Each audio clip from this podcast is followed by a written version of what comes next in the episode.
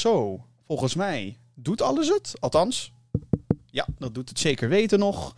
Eh, doen al mijn geluidjes het nog? Zeker weten. Die kwam luid en duidelijk. Eh even kijken. Ja, nee, dan, eh, dan denk ik dat kan gaan beginnen. Oh, zin in. Welkom bij de Gamer Geeks podcast. Hier is Jim Voorwald.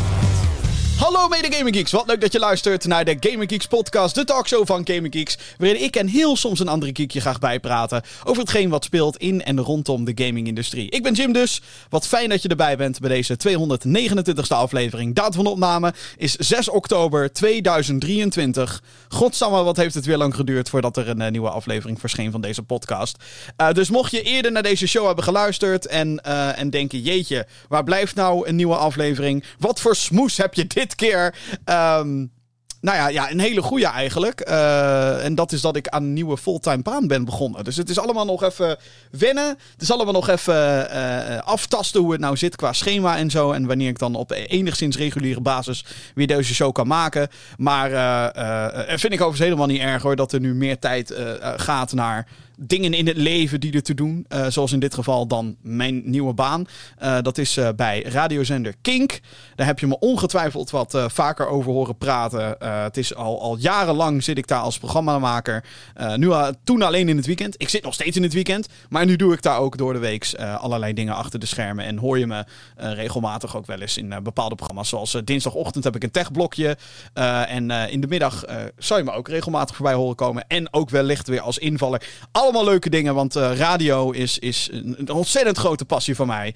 Uh, maar gaming uh, is zeker ook nog steeds een grote passie. Vandaar dat ik ook weer heel erg veel zin heb om deze show te maken. Mocht je deze show nog niet eerder hebben gehoord, hallo, ik ben Jim. Ik ben naast dus radiomaker en producer bij de radio, ben ik ook groot liefhebber van videogames. ik maak al sinds 2005 content over gaming. Zij het in podcastvorm, zij het in de vorm van een radioprogramma, of zij het in de vorm van video's. Uh, dus, uh, en, en ik ben zeg maar iemand die ongezouten zijn mening geeft. Ik, ik doe geen blad voor de mond. Ik zeg gewoon wat ik vind. En die mening kan natuurlijk afwijken van wat de mainstream media vindt van bepaalde videogames. Of wat andere fans van bepaalde videogames vinden. Um, het is allemaal een acquired taste. Maar ik vind het heel erg leuk dat je erbij bent. Um, en bij deze dus ook een shout-out naar degenen die vaker deze podcast hebben gehoord. En nu gewoon weer zitten te luisteren. Ondanks mijn zeer chaotische uh, uploadschema. Dat klinkt heel erg YouTube-taal. Um, maar ja, het zeer irregulier uploaden van deze podcast. Um, wat ik al zei, het is een schema-ding. Het is vaak ook een weerding. Ik neem dit op. Nou, als je de videoversie bekijkt, dan weet je al lang dat ik dit opneem op een, uh, op een zolderkamer. Dat is gewoon mijn, uh, mijn gaming-hok, uh, zeg maar. En uh, ja, om daar te gaan zitten opnemen terwijl het warme temperaturen buiten zijn, dat uh, is niet fijn. Een airco heb ik nog niet. Dus dat, dat zijn allemaal dingen die moet ik ook voor de toekomst wat meer gaan uitvogelen. Hoe kan ik dat? Hoe, hoe kan ik niet afhankelijk zijn van deze ruimte om een goede Gamer Geeks podcast met beeld op te nemen? Want deze podcast kan je luisteren via alle grote podcasting platforms, zoals Google Podcast. Of nee, Google Podcast, dat bestaat nog wel, maar dat gaat dood, geloof ik. Google heeft weer iets gekild. Uh, in ieder geval via Apple Podcast, via Spotify. Dat zijn toch wel de twee grootste podcasting platforms. Maar er zijn ook allerlei andere uh, podcasting apps en dingen. En daar is de Gaming Geeks podcast op te vinden. Dus wil je liever via audio luisteren? Dat kan. Of via een ander audio platform. Dat kan dus. Uh, en YouTube is er dus ook. YouTube.com slash GamerGeeksNL. Dat is het YouTube kanaal van, van Gamer Geeks. Waarin je onder andere deze videoversie vindt. Of althans de videoversie van deze podcast vindt. En uh, zo nu en dan ook nog andere content. Daar moet ik dus ook nog tijd voor vrij zien te maken ergens. Wat er heel lastig is, gezien als je liefhebber bent van videogames. 2023 een hel is qua tijd managen. Want er komt... Er is al heel veel uitgekomen. Nog steeds. Ik, ben, ik zit nog steeds met een, met een backlog stapel voor alleen maar dit jaar. Laat staan alle jaren hiervoor. En um, dat, dat, die stapel wordt niet kleiner of zo. Ik, ik doe mijn best, maar oei. Uh, dat is iets wat ik ook wekelijks, of althans, wanneer er een nieuwe aflevering uh, van deze podcast verschijnt, geef ik dat elke keer wel weer aan. Dus het is druk. Maar dat is ook wel weer goed, want we, we, we, kunnen zwemmen in kwaliteit, heb ik het idee. Ik denk, ik denk echt wel dat we in een, in een van de betere gamingjaren ooit zitten, waarbij er, er gewoon te, te, ontzettend veel toffe dingen zijn om uit te kiezen. Uh, dus uh, abonneer vooral op deze show als je dit enigszins leuk vindt. Uh, dat kan dus op podcastingplatforms, dan wel op YouTube of allebei natuurlijk. Ik bedoel, hè? waarom niet? over de podcastdiensten gesproken, er is dus een bonusaflevering verschenen. Hier hadden we totaal geen beeld bij. En het is een bonusaflevering echt in de zin van... het is geen normale Gaming Geeks podcast. Als in, ik heb het daar niet over gaming nieuws. Ik heb het er niet over de dingen waar ik het normaal over heb. Um, het is ik, Vincent en Rocky, de twee co-hosts van de vorige aflevering, de Gamescom-aflevering, in de auto onderweg naar Gamescom. Onderweg naar een dag Gamescom. We stonden al iets van anderhalf uur in de file. En dat bereikte een soort van kookpunt. Waardoor we dachten: oké, we moeten iets doen om ons mentaal hieruit te halen. En dus heb ik een opnameapparaat erbij gepakt. En zijn we gewoon gaan praten over Duitsers op de weg. Over anime. Over keulen, over schnitzels eten, over eigenlijk alles behalve videogames, maar wel dingen omtrent Gamescom. Um, dat is dus niet echt. Het is niet echt een aflevering van deze show, maar wel iets waarvan ik dacht: oké, ik denk dat sommige mensen dit wel grappig vinden om te horen. Dus dat kan je uh, beluisteren via uh, de grote podcastdiensten, dus uh, de Gaming podcast. Op nogmaals bijvoorbeeld Spotify of Apple Podcast, et cetera, et cetera. Dus check die bonusaflevering. ik weet zeker dat er wat iets te lachen valt in ieder geval. Um, daarover gesproken, mocht je nu op een, een, een, een podcastdienst zitten. Uh, en luisteren. Uh, en je zit toevallig op een dienst waar je recensies kan achterlaten. Doe dat vooral. Op Spotify bijvoorbeeld en op Apple Podcasts kan je sterren achterlaten. we staan nu op 4.8 op Apple Podcasts. Out of, out of 5. Dus het is niet alsof het een onvoldoende heeft. Gelukkig niet. Verre van zelfs. En we staan 4.7 op Spotify. Nou wil ik geen. en nou ben ik heel erg dankbaar met zo'n rating. Dat is best wel hoog. Maar het kan natuurlijk hoger. Of je kan in ieder geval uh, ervoor zorgen dat die 4.8 en 4.7 gewaarborgd worden. Uh, dus ga naar Spotify, ga naar Apple Podcast en laat recensies achter. Um, wees natuurlijk wel eerlijk. Als je het echt geen leuke show vindt, laat dan vooral negatieve recensie achter. Uh, maar laat me vooral ook weten waarom. Daar kan ik weer wat, uh, leuks mee. En uh, jij wellicht ook. Um, dus doe dat. dat is heel erg gewaardeerd. En echt waar, de waardering voor de Gaming Geeks podcast, die, die is er nog steeds. En da dat, dat motiveerde mij extra om weer achter deze microfoon te kruipen. Ik wil het toch even gezegd hebben um, dat ik het heel erg waardeer dat je luistert. Um, ik zie op YouTube. Het, onder de videoversie zie ik vaak dingen verschijnen als uh, bedankt voor de podcast. Wat ik. Um, heel lief vind. Een heel lief bericht vind ik dat. En um, ik zag via uh, de app van Kink, dus de radiozender waar ik nu voor werk, uh, zag ik um, uh, ook weer een bericht voorbij komen van... hey, ik hoorde Jim ooit in de Powerpraat van Power Limited. Toen ben ik naar zijn podcast gaan luisteren en nu luister ik Kink. Dus de ultieme crossover. Um, dat vind ik echt heel erg tof. En een paar weken terug was ik op Vicefest. Dat was een muziekfestival. georganiseerd door de band The Vices. Te gekke band. En er stonden nog meer te gekke acts, Zoals Vodon Boys, Bumblebee Boy, Fat Dog. Het was echt één groot gekhuis. En ik mocht daar samen met een collega van Kink, uh, Jasper Leidens, die je trouwens ook elke aflevering hoort in de Gaming Geeks podcast. Je zou nu misschien kunnen denken, er zit niemand naast je. Klopt. Maar je hoort hem wel altijd. Eerlijk, kritisch en direct. Dit is de Gamer Geeks podcast. Dat is Jasper. Dat is dus een collega en een maat van mij. Uh, wij mochten samen de podia presenteren op dat uh, festival. Hartstikke leuk, super tof. Uh, heel erg gaaf, zeker als muziekliefhebber. En ik liep daar rond. En op een gegeven moment tikte een gast, die tikte me aan. Hé man, ik, ja, ik wilde even zeggen, ik, ik ken jou. En toen dacht ik soort van heel arrogant van... Ja, de, ik heb een Kink shirt aan. Uh, weet je wel, de muziek die op Vicefest was, is heel erg gelineerd aan Kink. Dus soort van, hè, ik maakte meteen die connectie. Toen zei hij, ja nee, ik ken je van Gamer Geeks. en dat vond ik super grappig. Dus, dus mocht, je, uh, mocht je die guy zijn en, en dit nu zien of horen, shout-out. Shout-out naar jou. is echt heel erg tof. Um, ik ga zo meteen ook even een Apple recensie erbij pakken in de mailbox.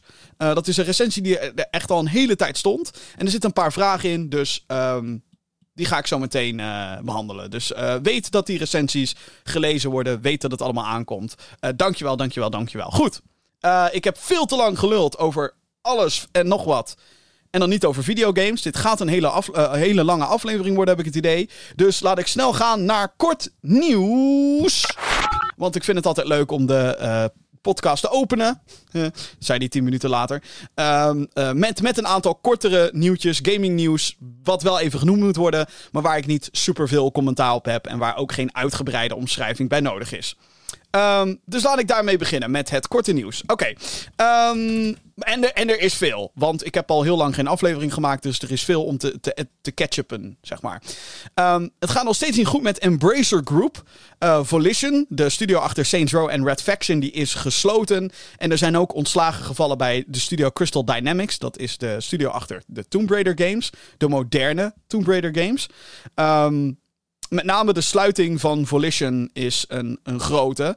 Uh, groot nieuws is dat geweest. Uh, vooral omdat ze dus Saints Row en Red Faction hebben gemaakt. Dat heeft er ook mee te maken met dat de laatste Saints Row game, de reboot uit 2022, was absolute scheid. Heb ik zelf ook gespeeld. Ik heb hem gereviewd op GamerGeeks. Het was echt zo'n game die ik opstartte en waarvan je eigenlijk al meteen weet: oei, dit is cringe. Dit is heel slecht bij launch. Inmiddels zijn er wel een aantal patches en expansions overheen gegaan. Die versie heb ik dan niet gespeeld. Maar het was zo'n game dat toen ik het speelde, toen wilde ik het ook uitspelen.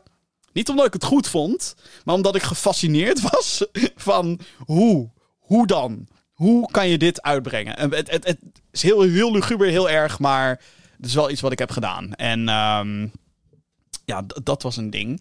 Um, dus ergens zag ik het wel aankomen dat Volition gesloten werd. Zeker omdat het dus niet goed gaat met Embracer Group. En Embracer Group, dat is zeg maar een grote overkoepelende organisatie. Met daaronder onder andere Gearbox en met uh, uh, Deep Silver, dat is een uitgever. En met Prime Matter en, en Saber Interactive valt eronder. Een hele groep aan uitgevers valt onder Embracer Group.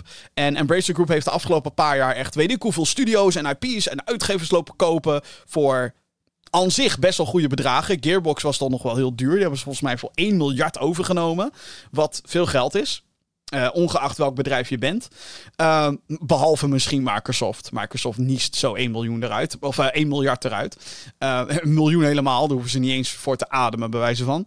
Maar um, ja, dus ze hebben heel veel gekocht en er kwam op dit moment gewoon nog heel weinig uit. Of in ieder, geval niet hele grote kaskrakers die dat soort financiële beslissingen kunnen onderbouwen.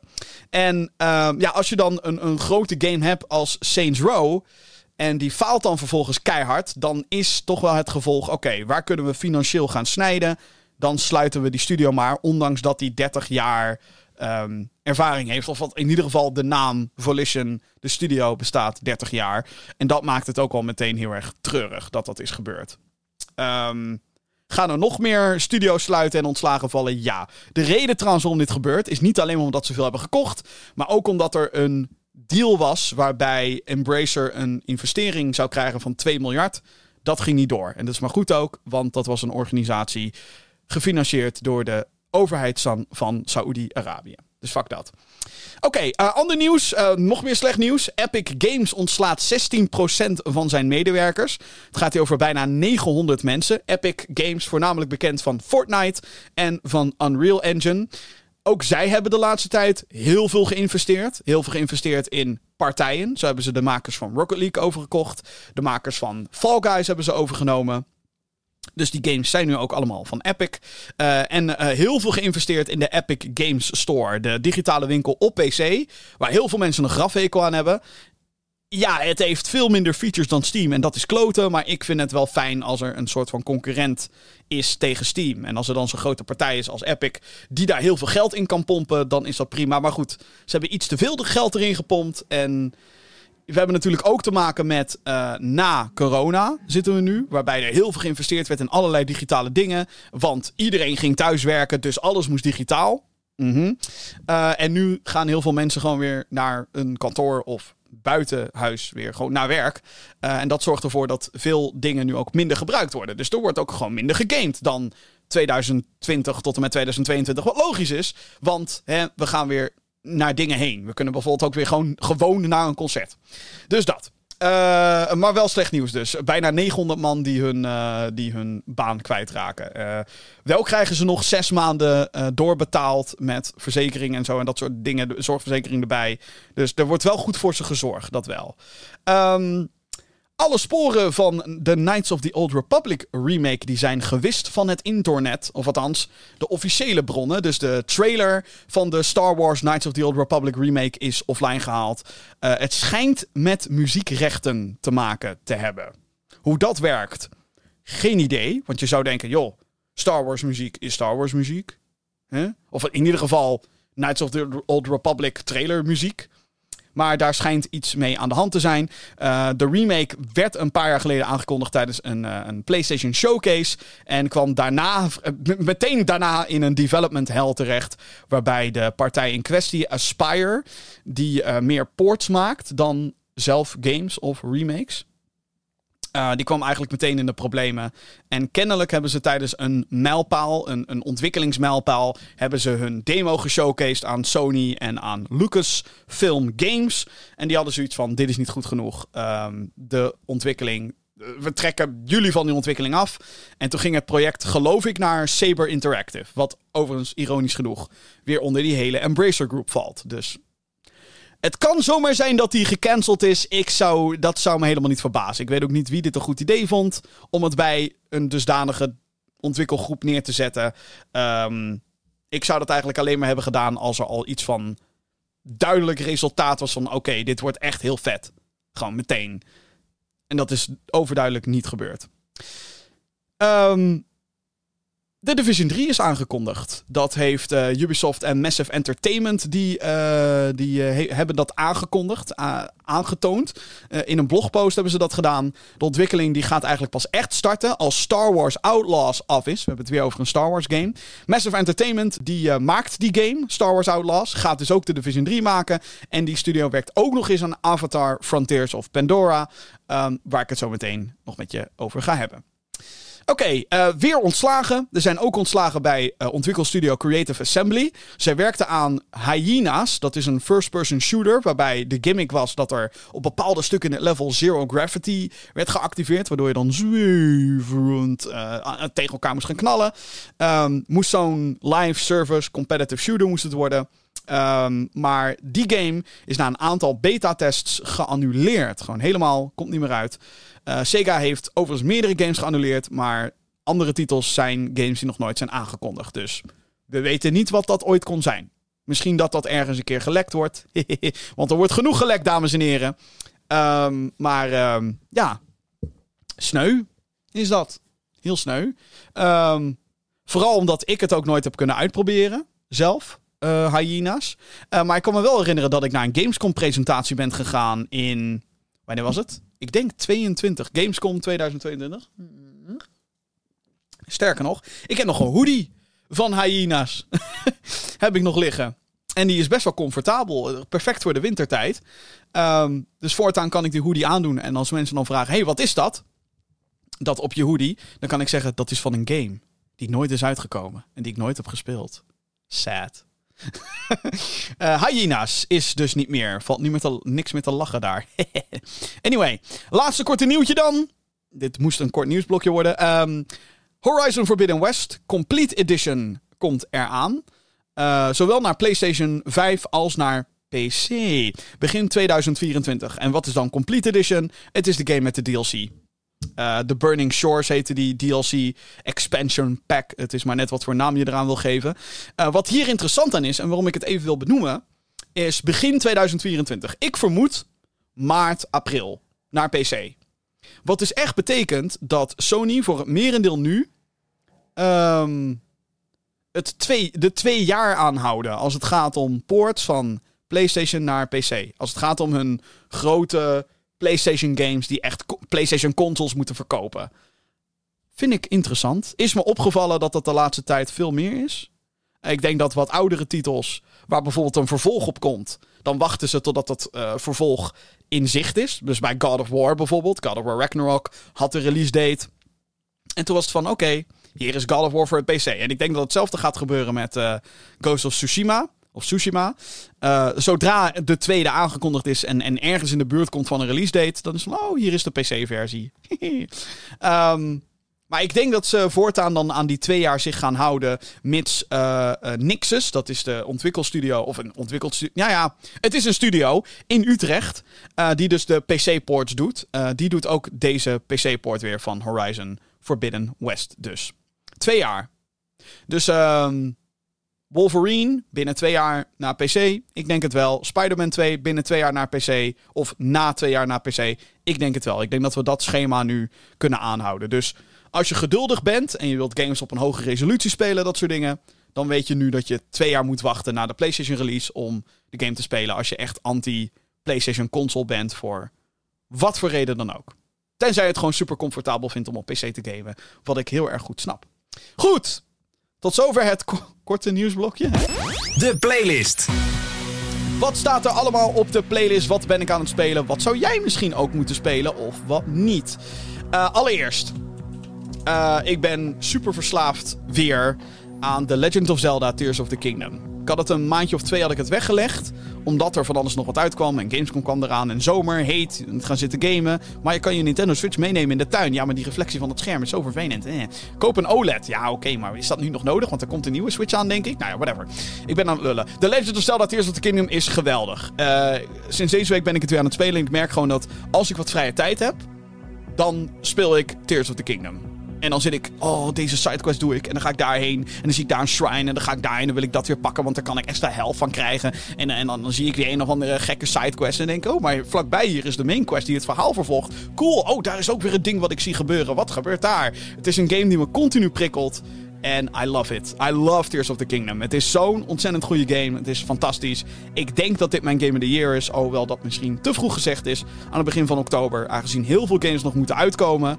Maar om boven Tears of the Kingdom uit te komen, zou echt wel heel erg knap zijn. I, ik vind de game gewoon zo fantastisch. I love it. Goed. Um, andere games die ik heb gespeeld. Een andere is eentje waar je misschien heel weinig over hebt gehoord. Het is een game met de naam Immortals of Avium. Dit is een first-person shooter waarvan ik een van de weinigen was die hyped was voor deze game. Het is een game die uitgebracht wordt door EA. En ik weet wat sommigen nu al gaan zeggen. Boe, fuck EA, fuck EA, alleen maar kut releases. Oeh. Is niet helemaal waar hoor, jongens. Ze hebben een kut release gehad dit jaar. Star Wars Jedi Survivor. Godsamme. Nog steeds niet gefixt. Nou weet ik hoeveel patches. Super vervelend. Ehm, op PC althans. Uh, gewoon de game die continu stottert, lage framerate, weet ik het allemaal. What the fuck, man. Anyway, um, eh, ik vind dat EA eigenlijk nog wel heel erg hun best doet om toffe shit uit te brengen. En ook dit vind ik een goede poging. Dus Immortals of Avium is eigenlijk Doom Eternal. maar dan met iemand die magie schiet in plaats van kogels. Of geweren afvuurt. Um, zo simpel is het. Het is een, een first-person shooter met een heel erg groots opgezette verhaallijn. Waarin je in een, uh, een, magische wereld bent. Die gedomineerd wordt, of althans het leven van alle mensen wordt gedomineerd door de Ever War. Een oorlog die zo lang duurt dat alle betrokkenen partijen eigenlijk niet eens meer weten waarom die begonnen is. Maar het heeft in ieder geval te maken met het uh, verkrijgen van magie. En complete dominantie voor de planeet. Um, en alles wat daarbij hoort. En jij speelt als een immortal. Dat moet je overigens niet te letterlijk nemen. Het is een soort titel die sommige supersoldaten wordt uh, gegeven. En um, ja, jij moet een einde zien te maken aan die Everwar. En als het dan kan, um, in het voordeel van jouw factie. Um, je speelt als een character genaamd Jack. En op het internet is er heel veel, uh, ja, hoe zal ik het zeggen, kritiek gegeven op de manier hoe de game geschreven is. Want het is het wordt als heel erg Marvel-achtig wordt het gekenmerkt.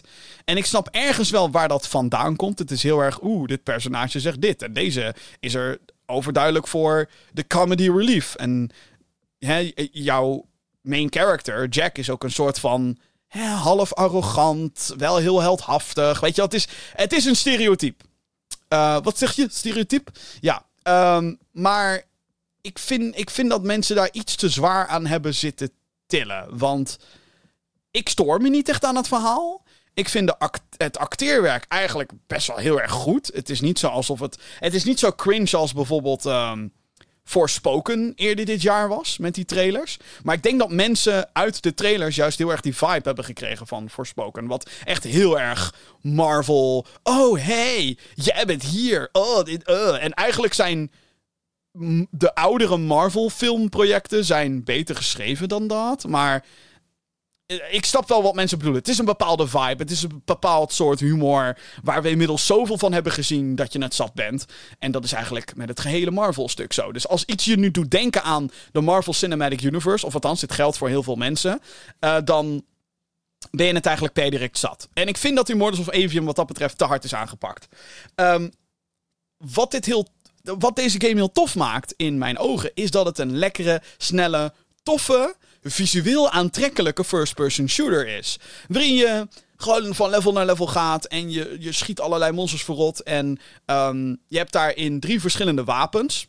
Eigenlijk gekenmerkt door hun kleur. Dus je hebt blauw, die dient vooral als een pistool. Uh, je hebt rood, dat is een soort shotgun. En je hebt groen, groene magic. En dat dient dan als een, uh, machine gun eigenlijk. En de attributen van die wapens kan je ook allemaal aanpassen. Er zitten lichte RPG-elementen in waarbij je wapens kan upgraden. Je kan de, het blauwe, rode of groene wapen kan je vervangen, waardoor ze zich net iets anders gaan gedragen. Een beetje zoals je bijvoorbeeld van een revolver naar een machinepistool gaat. Ik noem maar een voorbeeld uh, van, van echte wapens. Maar ze zitten het wel in elkaar. En jouw character krijgt ook allerlei verschillende abilities. Zoals uh, een, een soort van rage mode waarbij je super magic uh, tijdelijk schiet. je kan allerlei special moves doen die een bepaald type special mana kosten. Um, en je hebt ook een schild, je hebt een dodge. En je kan met een grappling hook kan je rondslingeren in de levels. De game heeft heel veel. De game heeft echt ontzettend veel. En, en meer dan genoeg zodat je een beetje je eigen speelstijl kan creëren. En zodat je uh, uh, ja, lekker je gang kan gaan wat betreft deze game. En nu ik het er zo over, over heb, denk ik ja, dit is heel cool. Dit is gewoon heel tof. Um, de gameplay werkt. En ik weet dat ook deze game, zeker bij launch ook performance issues had op PC. Inmiddels moet ik zeggen dat dat best wel. Um, best wel redelijk is opgelost. Er zijn een paar patches overheen gegaan. En sommige patches maakten de dingen erger dan beter. Inmiddels lijken ze hun, hun dingen een beetje goed te hebben gehad. Of recht te hebben gezet. Um, ik krijg best wel een, een, een redelijk goede performance eruit. Alleen is het wel zo dat deze game op PC althans uh, ongekende, ongekend hoge systeemeisen heeft. Als in heel hoog voor hetgeen wat je krijgt. De game draait op Unreal Engine 5. En je zou denken dat hij daardoor best flexibel is. Maar je moet echt wel een, een zwaar beest hebben om dit goed te kunnen draaien. En dat vind ik jammer. Want um, ik denk dat daardoor, mede daardoor, heel veel mensen zijn afgeschrokken. Dat, dat ze in ieder geval deze game niet meer willen proberen. Helemaal als je dan zeg maar die eerste paar Steam reviews leest van, nou ja, performance is shit. Dat is eigenlijk al voor heel veel mensen een, een, een gigantisch grote, rode vlag. Om te zeggen, vermijden die zooi. Um, vind ik jammer. Want ik vind dat de, de gameplay van de game is heel tof. Er zijn een paar elementen die ik niet leuk vind. Um, de game heeft bijvoorbeeld heel veel Metroidvania-achtige elementen. Dus je kan later teruggaan naar verschillende gebieden, levels. Uh, en dan is er ergens een deur. En daar kan je dan nog, niet doorheen. En dan kan je dan later kan je daar wel heen. En dat zou allemaal wel prima zijn, waar het niet dat ik niet echt de motivatie daarin zie om dat te doen. Ik, ik, ik denk, laat ik het zo zeggen, ik denk dat deze game veel meer. Uh, veel toffer had kunnen zijn als ze gewoon toffe, strak gedesignde levels hadden. A la Doom Eternal. Of Doom 2016. Of noem een andere big budget shooter met een strakke campaign. Uh, dan dat ze open levels hadden gemaakt. Waarbij je dan kleine puzzels hebt. Met dingen die je dan kan doen om extra experience points te halen. Ik weet niet, op de een of andere manier heb ik bij deze game zoiets van: dit was, dit was hier zo niet nodig. En je had zoveel tijd en moeite en geld kunnen spenderen in het maken van strakke, toffe levels. Als je het aan mij vraagt, is een persoonlijk dingetje. Uh, persoonlijk smaakdingetje, denk ik. Uh, niet dat ik per se een hekel heb met, aan Metroidvania's. Verre van zelfs. Maar in deze game vind ik het niet zo heel erg passen. En ik had het hier, denk ik, geskipt. Uh, als ik althans deze game aan het maken ben. Um, wat heel erg treurig is wat betreft Immortals of Avium... is dat deze game schijnbaar fucking hard geflopt is. Maar echt keihard. Gewoon de game dropte. En het cared helemaal niemand. Bij wijze van. En dat vind ik zo jammer. Ik, uh, ik weet dat bijvoorbeeld op Steam was het aantal spelers. Uh, het, het maximaal aantal gelijktijdige spelers wat de game ooit heeft bereikt is 700 nog wat. Nou, dat is helemaal niks. Aan de andere kant zou je kunnen zeggen: joh, het is, een, het is trouwens puur en alleen een singleplayer game. Geen multiplayer, niks van dat. Dus wat dat betreft maakt het gelukkig niet uit uh, hoeveel mensen er spelen. Wel natuurlijk voor het succes van de game en het voortbestaan van de studio. En helaas uh, weten we dat de game kaart geflopt is. Niet alleen omdat niemand het erover had en omdat het waarschijnlijk ook de eerste keer is dat jij er iets over hoort. Um, maar er is ook een bericht uitgekomen bij. Um, Ascendant Studios, dat zijn dan de makers, die hebben naar buiten gebracht dat zij 45% van hun mensen moesten ontslaan. Omdat de game niet goed heeft uh, gepresteerd. Althans, dat stond er dan niet zo zwart-wit in, maar wel gewoon, hey, helaas moeten wij dit doen. Uh, en daar balen we heel erg van. Uh, en ik hoop dat deze studio een tweede kans krijgt. En, en ik zou het fucking vet vinden als EA dat ook gewoon zou doen. EA geloofde overduidelijk in deze game. Hebben best wel wat marketing erin gestoken. De marketing was alleen best wel misplaatst. Ik had zelf veel meer nadruk gelegd op, op kijk eens hoe vet deze gameplay is. In plaats van de characters en het verhaal. Like, I don't care. laat me gewoon die vette gameplay zien en go. Weet je wel? Gewoon, daar hadden ze zich veel meer op moeten focussen, denk ik. En de abilities die je hebt in plaats van de storyline en de character. Wat ik al zei. Um, ik zit nu voor de grap ook even te kijken op, op Steam. En uh, de game heeft voor merendeel positive reviews. Maar 514 mensen hebben het spel gereviewd op Steam. Wat niet heel veel is. Wat echt fucking weinig is. En het is zo. Wat ik al zei, het is zo jammer dat dit gebeurd is. Um, ja, ik baal ervan. Ik baal ervan dat dit soort games. Um, ja, gewoon niet goed scoren. Uh, ik vind nou, de kwaliteit van de game is ook niet um, slecht. Sterker nog, ik heb het best wel naar mijn zin. Ik heb het er nu over en dan denk ik, oh ja, misschien is het goed als. Um, als ik soms Zelda even inwissel voor weer een uurtje Immortals. Um, ik zag ook op de Steam fora wat discussies, bla bla bla. Uh, er zijn wat motherfuckers die, die het er niet mee eens zijn dat er biseksuele en homoseksuele characters in de game zitten. Waarvan ik denk, rot dan gewoon alsjeblieft gewoon lekker op. Welkom in 2023. Um, en um, ik, ik, zie wat discussie en, en, en ik heb daar zelf ook aan toegevoegd. Ik denk dat het slimmer was geweest om deze game op een ander moment uit te brengen. Het kwam uit uh, eind augustus. Nou, vlak voor Starfield. Het is in de zomer, maar wel vlak voordat er grote games uitkomen. Laat ik het zo zeggen. Ik denk dat dit jaar sowieso niet het jaar was om games als dit uit te brengen. Gek genoeg. Uh, en ik denk dat deze game uh, met een lagere prijs had moeten releasen. Immortals of Avium kost 60 euro. Wat niet het duurste is wat we ooit hebben gezien. Uh, tegenwoordig zijn games standaard 70 euro. En we moeten niet verbaasd gaan zitten opkijken als dat naar 80 gaat. Omdat de kosten van games alleen maar stijgen. En uh, daardoor is het aantal geld wat nodig is om het volgende project te kunnen financieren, moet alleen maar meer worden. Maar ik denk dat als deze game 30, 40 was, dat veel meer mensen meteen zoiets hadden van: uh, dit wil ik. Doe maar. Hup, meteen. En dan kan je misschien zeggen: ja, maar dat is goedkoper, Jim. Dan krijgen ze minder geld binnen. Niet als je daardoor veel meer mensen overhaalt om te, halen. Maar dat is mijn opinie en daar denk ik waarschijnlijk veel te makkelijk over.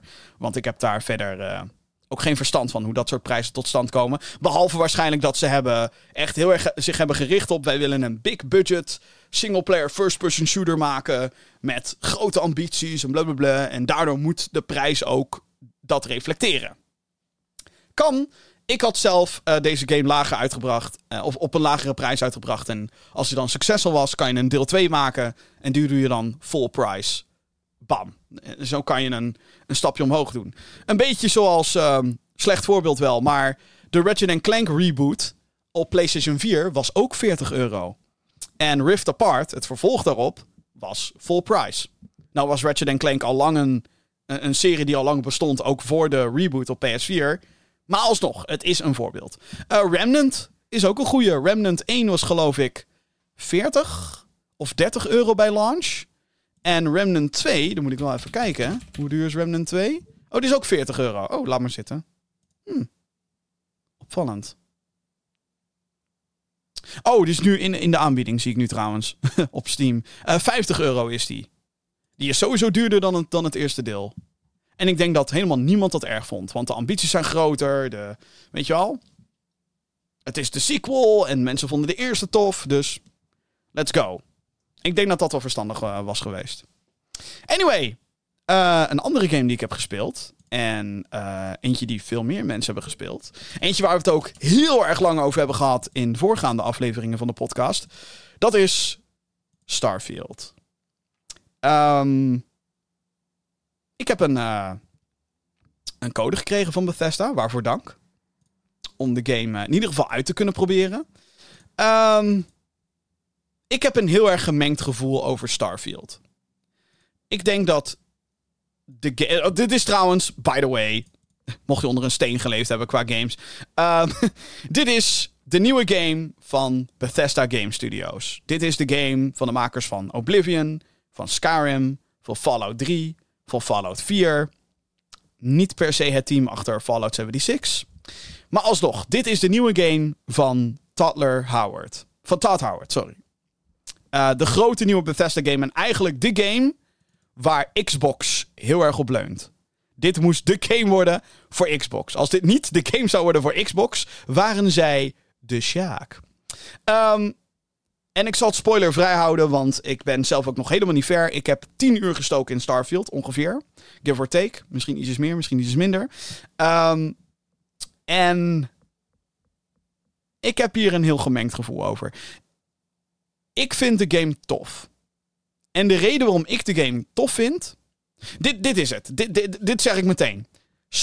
Of, of je Starfield goed vindt of niet, hangt 100% af van wat je ervan verwacht. Als jij verwacht dat Starfield de nieuwe, grote, revolutionaire RPG is. Die de allernieuwste tech heeft, de allernieuwste snufjes, de, fucking fantastisch overal alles. Dan kom je hier heel teleurgesteld uit. Sterker nog, dan start je de game op en binnen een paar uur zeg je, wat een kut game. Denk ik. Eh, dan, dan ga je aan Cyberpunk zitten, denk ik. Dan moet je Cyberpunk 2077 spelen, die zeker qua graphics heel veel stappen vooruit heeft gezet. Ten opzichte van deze game. Eh, zeker nu met de nieuwe patch en de expansion en dat soort dingen. Eh, ook iets wat op mijn lijstje staat om te spelen ooit. Misschien ooit. Ehm, ik daarentegen had dus... Ik, ik kreeg heel erg wat ik verwachtte. En wat ik verwachtte was... Skyrim meets Fallout in space. Met eh, alle quirks en leuke elementen daaraan, die daaraan vastkomen. Of die, die, daaraan, die je daaraan kan koppelen. En dat is het exact. Het is de clunky feel van Fallout. De, de, de, de, de clunky elementen. De, de, beetje buggy elementen van, van Skyrim en Fallout zitten er allemaal in. Ehm, niet op de manier zoals bij Fallout 76 dat, het, dat, al, dat de game gewoon praktisch instort.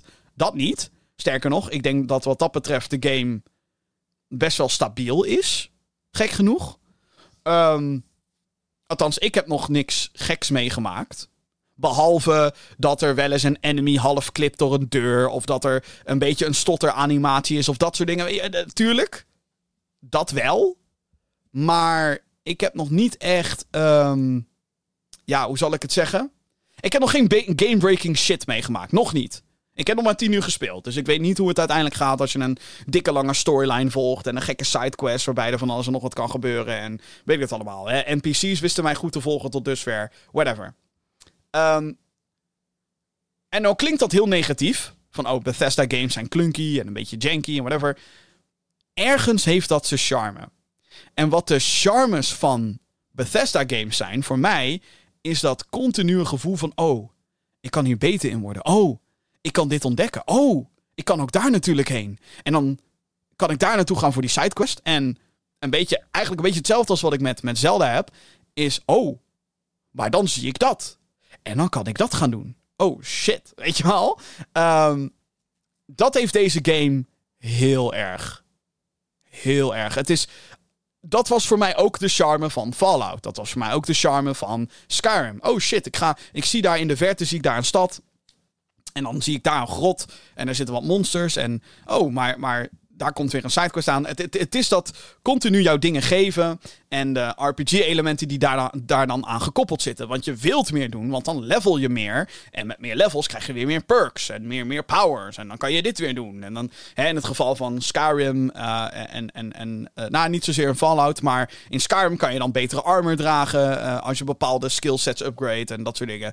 Um, in Starfield gaat het vooral om, om perks die, die echt je speelervaring veel toffer kunnen maken. Want ik zit nou op zo'n punt in de game dat ik denk, ja, ik vermijd spaceship gevechten. Want mijn schip is shit. En mijn skills om dingen te doen met dat schip zijn ook shit. Want ik heb nu vooral gefocust op, oeh, ik wil lekker extra damage doen met een shotgun. en ik wil, uh, ik wil toch uh, mensen kunnen pickpocketen. En ik wil extra snel kunnen sprinten, want die stamina, is echt helemaal niks. En ik wil meer met me mee kunnen dragen, want elke keer ben ik overencumbered. Dus daar, daar heb ik nu allemaal, allemaal skill points in gestoken, weet je wel. Maar echt, alle, alle skill trees zijn voor, hebben voor mij iets interessants. Van, want ik wil computers kunnen hacken. Ik wil stealthy kunnen doen, toch ook wel, voor de grap. Ik wil met laserwapens sterk kunnen schieten. Um, dat doet de game in mijn optiek ontzettend goed. Ik vind ook de interactie tussen de characters vind ik tof. Het heeft een hele mysterieuze, open verhaallijn. De main storyline dan. Um, het is weer... Wat dat betreft is het heel erg Bethesda op de hele goede manier. Dat gezegd te hebben, als ik dan weer een kritiekpunt mag geven. Um, ja, de game is wel gewoon lelijk. Sorry, de game... Het is niet, het is niet hetzelfde als... Um, Fallout 4. Zo, er, zo ver wil ik niet gaan. Maar het, het ziet er wel heel gedateerd uit. Het is wel alsof je een game speelt die qua. En, en dat is niet. Want er zit veel in de omgeving. Weet je wel? Er, zijn toffe lichteffecten aanwezig. De, de, de attention to detail in, in, in de steden die niet randomly generated zijn. Of de planeten die niet random randomly generated zijn. Is heel tof. Als je naar van die main locaties gaat, dan zie je echt overal van die kleine, kleine uh, Starbucks cupjes zie je daar liggen. En uh, daar een half opgevreten sandwich. En uh, een omgeving kan een verhaal vertellen. Wat, heel, wat echt, Bethesda doet dat ook heel goed, wat mij betreft. Of Bethesda-achtige games doen dat heel goed. en dat is hier niet anders. Echt heel erg goed gedaan. Um, maar als je kijkt naar dingen zoals bijvoorbeeld de character models. En um, dingen zoals de bladeren in de hoofdstad van Atlantis. Wat zeg maar de, de hoofdstad van de game is. Daar, daar, daar ga je heen. Daar is de, de headquarters van Constellation. Zeg maar de groep mensen die je helpt als Space Explorers. Als je daar dan rondloopt, dan denk ik wel van... Ja, maar god, guys. Dit is zo 2016. dit is zo PS4, deze graphics. Um, en PS4-games kunnen er nog steeds goed uitzien. Daar niet van.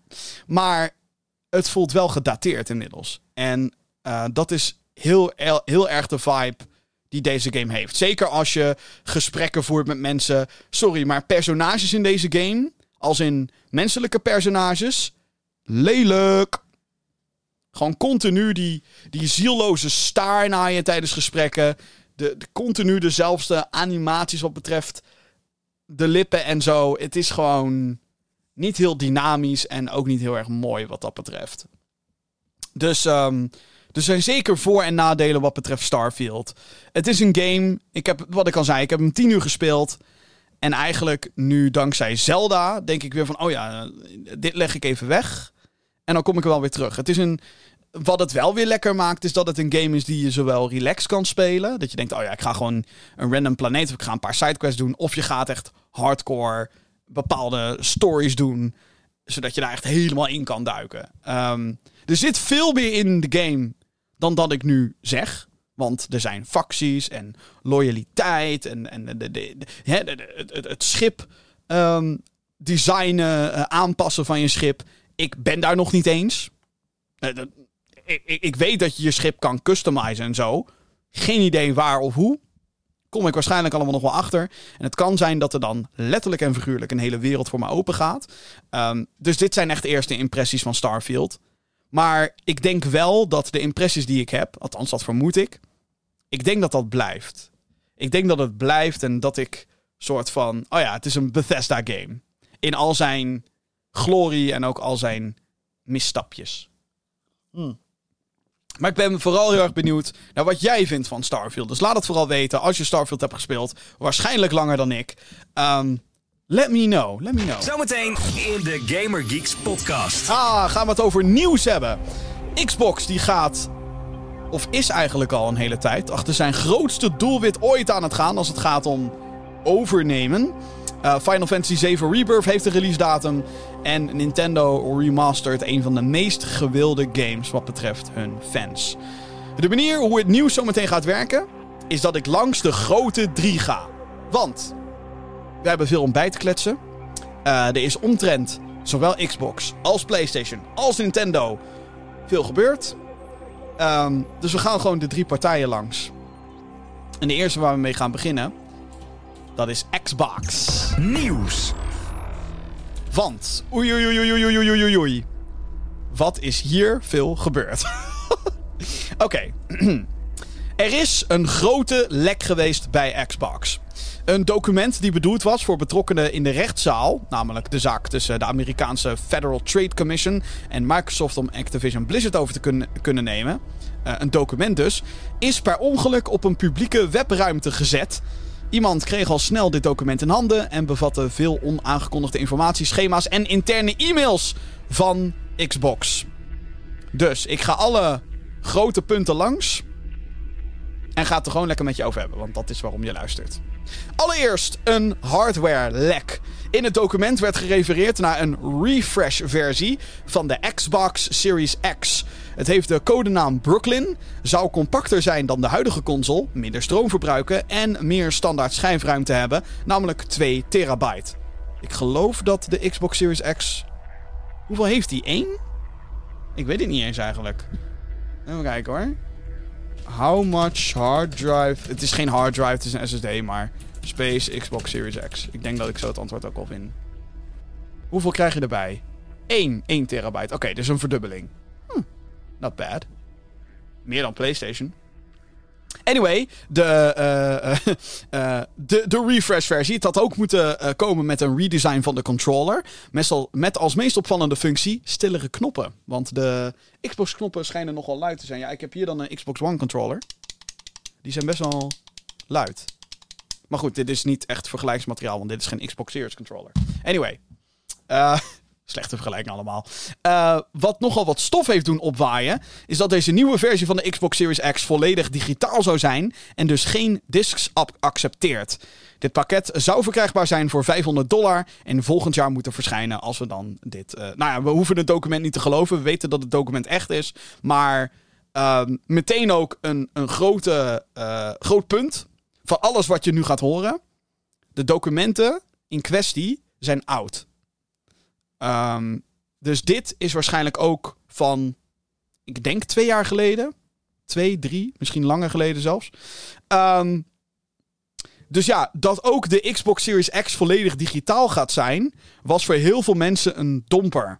Want je hebt dus een kleinere, compactere, betere versie van de console. Maar die kan er vervolgens niet de discs vreten die je hebt. En die discs kunnen inmiddels vier generaties bevatten. Van OG Xbox tot aan Xbox Series. En um, ik snap heel erg dat mensen daar pissig om zijn. Vooral omdat je dus een belangrijke functie van de console eruit haalt. En dan nog steeds dezelfde prijs ervoor vraagt. 500 dollar. Uh, we zien overigens hier al. Uh, hieruit kan je al opmaken dat het document verouderd is. Want inmiddels zijn de consoles met 50 euro omhoog gegaan. vanwege de inflatie. Dus de PlayStation 5 kost standaard 550. De Xbox Series X, ik weet niet of dat in Nederland ook al omhoog was gegaan. Maar dat zit er wel aan te komen. Dus als die straks duurder wordt, moet je daar niet uh, gek van staan opkijken. Um, ja, ik uh, ben toch echt bang dat we richting een all-digital future gaan. Vind ik ook niet leuk. Want ook ik ben fan van hoesjes en, en discs en dat soort dingen. Um, alleen ja, digitaal is wel gewoon sneller. En vaak dus ook handiger. Ehm, en goedkoper ook in vele zaken. Want ja, je hoeft geen hoesje te printen, je hoeft geen dis te printen, je hoeft het niet via distributeur te doen, hoeft niet allemaal naar retail, moet je dat, al, al, al dat gedoe. Alhoewel, ik, ja, ik ben, noem me ouderwets, maar ik vind het gewoon heerlijk, weet je dat je, ja, heb je een hoesje en daar zit dan een, uh, een boekje in en, en, en de disc dan. Dan heb je fysiek de game in je handen en dan heb je een plank vol met games. Ja, heel romantisch gedacht, maar is wel een ding. Ook als ik zeg maar zelf games koop. En ik heb de keuze tussen retail of digitaal. Zeker op console. Kijk, op PC. PC is al lang all digital.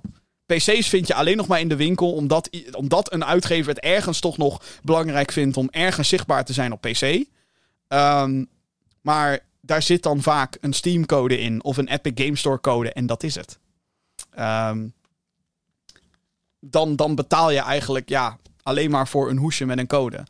Uh, dus PC is al bijna om. Maar voor consoles, ik weet niet. Omdat het zo'n fysiek ding is, wat ook nog onder je televisie staat en zo.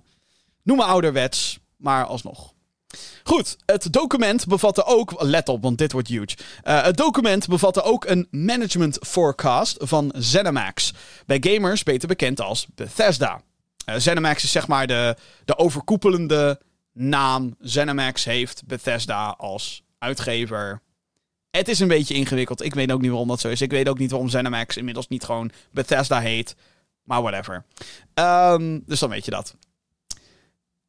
Het bevat een lijst met releases per jaar.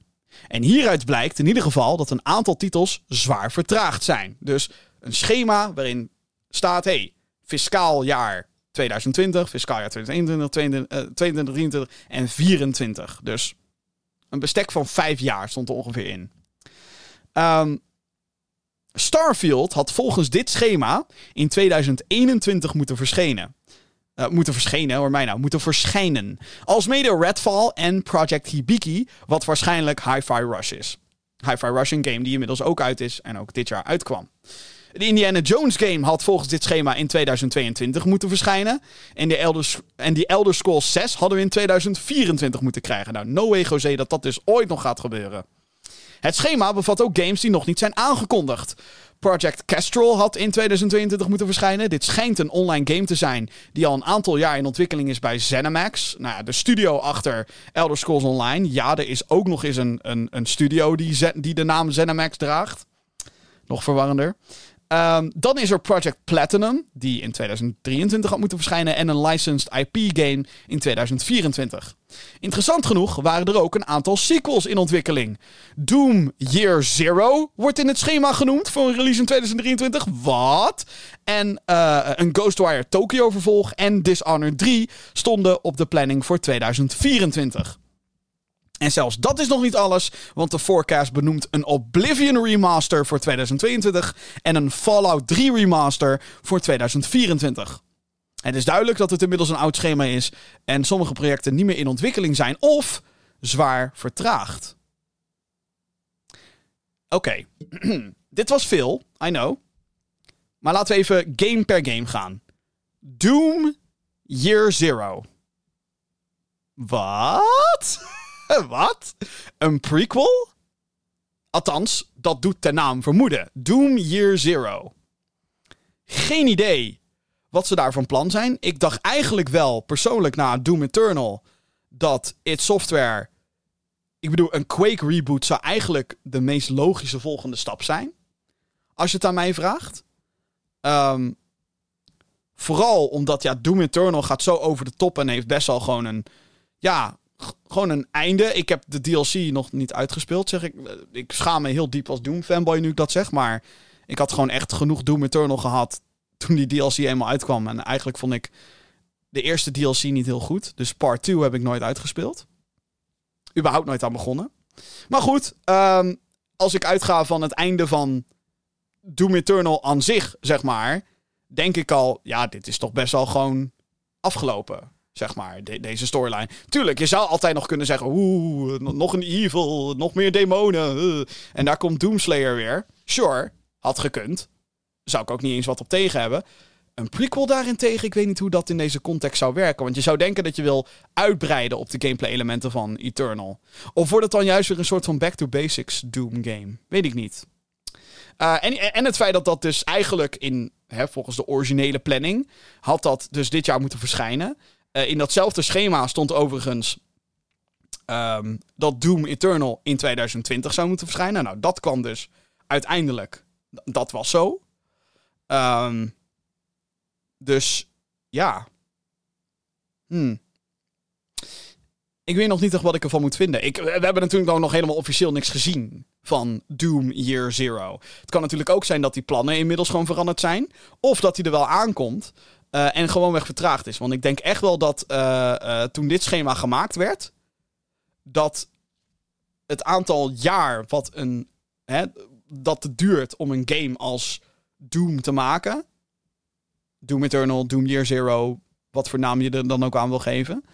Um, dat dat langer duurt dan drie jaar. En ik denk dat dat, dat dat ook de reden is waarom we nog niks van het nieuwe project van It Software hebben gezien. It Software, de studio achter Doom, Doom Eternal. En mogelijk dus Doom Year Zero. Ik uh, ben heel erg benieuwd. En excited, want groot liefhebber van Doom. Um, en ik zou een Quake remake, reboot, whatever, ook heel erg hebben gewaardeerd. Waren het niet dat Quake niet echt een. Zeker niet qua setting en qua singleplayer ding. Het is nooit consistent geweest. Quake 2 en 4 hebben een beetje dezelfde filosofie als het gaat om uh, setting en design. Maar Quake 1 en 3 staan daar weer heel erg anders in. Quake 3 was eigenlijk was ook alleen een multiplayer game. Um, dus ja, dat maakt het ook allemaal vaag. Eigenlijk zijn id Software games nooit consistent geweest qua uh, setting en waar ze nou zitten in een tijdlijn en dat soort shit. Um, om maar even weer op Doom in te haken. Doom 1 en 2 waren overduidelijk een vervolg en zo. Doom 3 was dan weer een remake, eigenlijk reboot met veel meer nadruk op horror. Gek genoeg. En niet op snelle actie. En toen kwam Doom 2016 en die zei: hey, we zijn weer een reboot. En we heten geen Doom 4. Maar, zo blijkt in Eternal, spoiler alert, alles is met elkaar verbonden. Behalve Doom 3. Wat? Het is. Nee. Mm. Mm. Whatever. Ik verheug me sowieso. Nieuwe Doom game. Ik ben, ik, ik ben excited. Fuck it. Waarom zou ik daar zuur over doen? Um, Ghostwire Tokyo vervolg. Lijkt me heel tof. Als dat gaat gebeuren. Ik weet niet of dat gaat gebeuren. Omdat Shinji Mikami, die Tango Gameworks, de studio achter Ghostwire Tokyo leidde, die is weg. Uh, Project Hibiki heeft kennelijk ook veel langer geduurd dan in eerste instantie de bedoeling was. Um, dus ja, ik, ik, mm, ik weet niet of dat, of dat een ding is. Ik weet ook niet of Ghostwire Tokyo het wel echt heel goed gedaan heeft.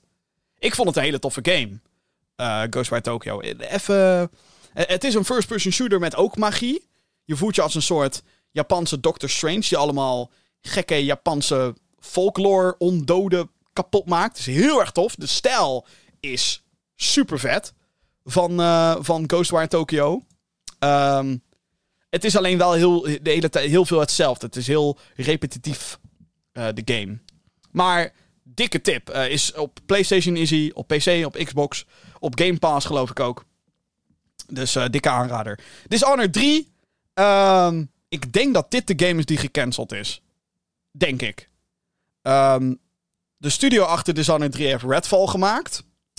Um, niemand bij die studio wilde Redfall maken heel veel mensen die aan Prey dan wel Dishonored 2 hebben gewerkt, zijn weg. Dus ook al zouden ze nu zeggen: hey, maak Dishonored 3. Dan denk ik dat ze echt gewoon zitten: oké, maar met welk team? Want deze mensen. Niemand wilde hier Redfall maken. We hebben Redfall gemaakt. Iedereen is gedemotiveerd. Redfall was een fucking grote flop. Wat nu? Je moet wel echt van hele goede huizen komen. Wil je nu nog een Dishonored 3 maken? Het lijkt me sterk dat hij in ontwikkeling was op het moment dat dit document geschreven werd. Um, dus dat. Dan de remasters: Oblivion en Fallout 3. Oblivion staat duidelijk op deze planning als een, als een opwarmetje voor de Elder Scrolls 6. Overduidelijk. Ehm, ik denk dat deze nog steeds in ontwikkeling is. Ik denk echt dat deze eraan komt. Elder Scrolls 6 gaat nog heel lang duren voordat we, dat, voordat we daar iets van te zien krijgen. Ik denk ook met um, die kritiek op Starfield dat het duidelijk is dat het team weer een stap omhoog moet. Hè, dat de engine weer een dikke upgrade moet krijgen. Of in ieder geval dat ze gaan overstappen naar een andere engine. Um, dus dit is een, een, een hele grote klus. Ik denk ook niet dat Bethesda zelf uh, de remasters doet, uh, die genoemd zijn. Um, ik. Het lijkt me wel heel vet. Het lijkt me echt super vet. Zeker als we wat bepaalde gameplay-elementen aanpakken en uh, dingen wat, wat smoother maken. Het moet natuurlijk ook een beetje passen in de release-kalender van Xbox. volgend jaar komt Avowed al uit. Dat wordt dan weer gemaakt door Obsidian. Dat zijn de makers achter Fallout New Vegas. Onder andere. Uh, en dat is een RPG die heel erg doet denken aan Elder Scrolls. Het zal anders gaan spelen. Het zal net wat anders zijn dan Elder Scrolls. Maar het doet heel erg eraan denken. Dus ik denk niet dat Xbox bijvoorbeeld een, een remaster van Oblivion en. Um, en. En. En. En. Uh, Avowed. Ik moest even op de naam komen. Dat ze die in hetzelfde jaar. Die willen ze niet in hetzelfde jaar. Denk ik. Dus. Um, ja, ik, ik, denk wel dat deze eraan komt. Uh, zeker omdat Elder Scrolls 6 duurt dus nog wel eventjes. Ze kunnen nog even lekker gaan sleutelen aan die remaster. En dan uiteindelijk komen. hey, jongens, ja. Ik bedoel, uh, hè? Elder Scrolls 6 komt eraan, ooit. Dus hier is Oblivion. Dan Fallout 3. Ik hou van Fallout 3. Die game is fantastisch. Um, hasn't aged well. Laat ik het zo zeggen. Um, het is een game die um, een super tof verhaal heeft. Wat mij betreft echt Bethesda. Nou, ik weet niet of ze allerbest. Ik denk dat heel veel mensen Skyrim toffer vinden, maar ik vind Fallout 3 zo cool. Qua verhaal, qua setting, qua dingen die je erin kon doen. De vrijheid, de, um, de gameplay elementen. Het schieten zelf is echt klunky as fuck. Het is echt een RPG. Het is geen shooter. En dat is wel iets wat ze zouden kunnen verbeteren. Um, veel meer die balans treffen tussen uh, het zijn van een RPG en een shooter. Um, dat welke speelstijl je ook prefereert, dat allebei uh, goed aanvoelt, zeg maar. Um, in de basis blijft het een RPG natuurlijk. Uh, ongeacht wat je met de besturing doet en zo. Maar het zou toch fijn zijn als het afschieten van guns, als dat ook cool zou zijn. En als ze de graphics een stuk oppoetsen. Want ja, de game komt uit 2008, het origineel, Fallout 3. Dus uh, dat kan wel een oppoetsbeurtje gebruiken natuurlijk. Maar ach, wat zou ik dat vet vinden, hé? Dat, wat zou ik dat cool vinden? Mits ze Liam Neeson erin houden als je vader. Want, belangrijk. Ja, Liam Neeson is je vader in de game. En dat is zo vet. Mm. Love Fallout 3. Ik hoop echt dat die waar is. Althans, ik hoop dat die nog in ontwikkeling is. Oké. Tot zover alle Bethesda-dingen. Dan zijn er ook nog wat juicy e-mails uitgelekt. Geschreven door het hoofd van Xbox, Phil Spencer. Zo zou hij rond de onthulling van de PlayStation 5 hebben gezegd tegen zijn superiors bij Microsoft: uh, dat Xbox betere hardware en games heeft. -hmm. In 2019, uh, althans, we kunnen een soort van er, naartoe leiden van wat er besproken wordt in die e-mail, dat het uit 2019 kwam. Uh, nog voordat Xbox Bethesda had overgenomen, hadden ze een aantal andere doelwitten. In een e-mail staat dus onder andere dat ze Bethesda als uh, goede partner zien om mee om over te nemen. Uh, Warner Brothers Games was een uitgever die Microsoft graag had willen overnemen. Uh, waar het niet dat ze de IP's dan niet zouden krijgen. Dus dat zou betekenen dat de rechten van game franchises zoals die van DC Comics, uh, Mortal Kombat, Lego en Harry Potter zouden dan allemaal niet meegaan. dus dat was voor hun dat ze, dat ze zoiets hadden van goede partner, maar zonder de, de franchises hebben we er niet heel veel aan. En dat is waar. Ik bedoel, genoeg getalenteerde mensen daar. Begrijp me niet verkeerd. Maar ja, als je dan Warner Brothers overkoopt, wil je Mortal Kombat hebben. Op zijn minst, lijkt me. En als je dan ook nog eens uh, de, de gamerechten van DC mee kan nemen. Nou, niet, of Harry Potter. Oh, moet je nagaan als Hogwarts Legacy. Als al dat geld bij wijze van naar Xbox ging. Dan hadden ze een klapper. Of sterker nog, dat Hogwarts Legacy dan exclusive was voor PC en Xbox. Oef. Dat had ook een klapper geweest. Eh, anyway, ehm, over grote klappers gesproken. In de e-mail staat dus ook dat eh, Phil Spencer Nintendo wil overnemen. Hij gelooft dat Nintendo niet kan bestaan zonder Microsoft in de lange termijn en dat deze overname de kroon op zijn werk zou zijn. Phil Spencer heeft overigens gereageerd op alle lekken, op dat hele document. Hij zei teleurgesteld te zijn dat de informatie uh, nu naar buiten is, maar ook dat die oud is en dat er inmiddels ook veel veranderd is. Dus dat Phil Spencer heeft dus eigenlijk gewoon gezegd: hey, wat jullie allemaal hebben gezien is waar, waar het niet dat het oud is, maar het is waar. Dus we kunnen er eigenlijk gewoon van uitgaan dat Doom Year Zero echt is. For real. Of in ieder geval op een bepaald moment in de tijd. Dat er mogelijk een Ghostwire Tokyo sequel gemaakt wordt. Dat er mogelijk een Dishonored 3 ontwikkeling is. Dat die remasters, let's go. Oké. Xbox en Nintendo. Ik vind dit een. Die e-mails waarin uh, Phil Spencer ook zegt: We hebben betere hardware en games dan PlayStation. Um, op welke wereld zat jij, Phil Spencer? Wat waren de launch games? Want dit, dit, dit was dus kennelijk gestuurd in 2020, toen de PlayStation 5 dus onthuld werd.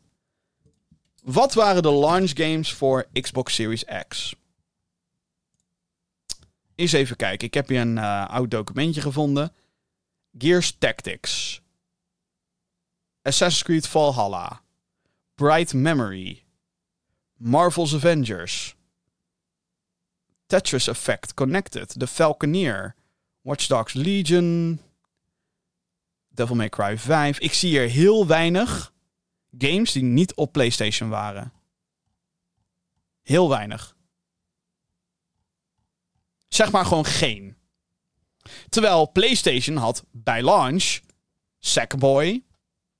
Tuurlijk, niet de meest revolutionaire game ooit, I know. Maar Demon Souls. Ik bedoel, dat was een biggie. Even kijken, wat waar. Ik heb hier nu al Astro's Playroom, wat een geïnstalleerd stond op de console. Tuurlijk, geen grote game, maar uh, Spider-Man Miles Morales was een launch game. Ja. Tuurlijk, die kwam ook naar PS4.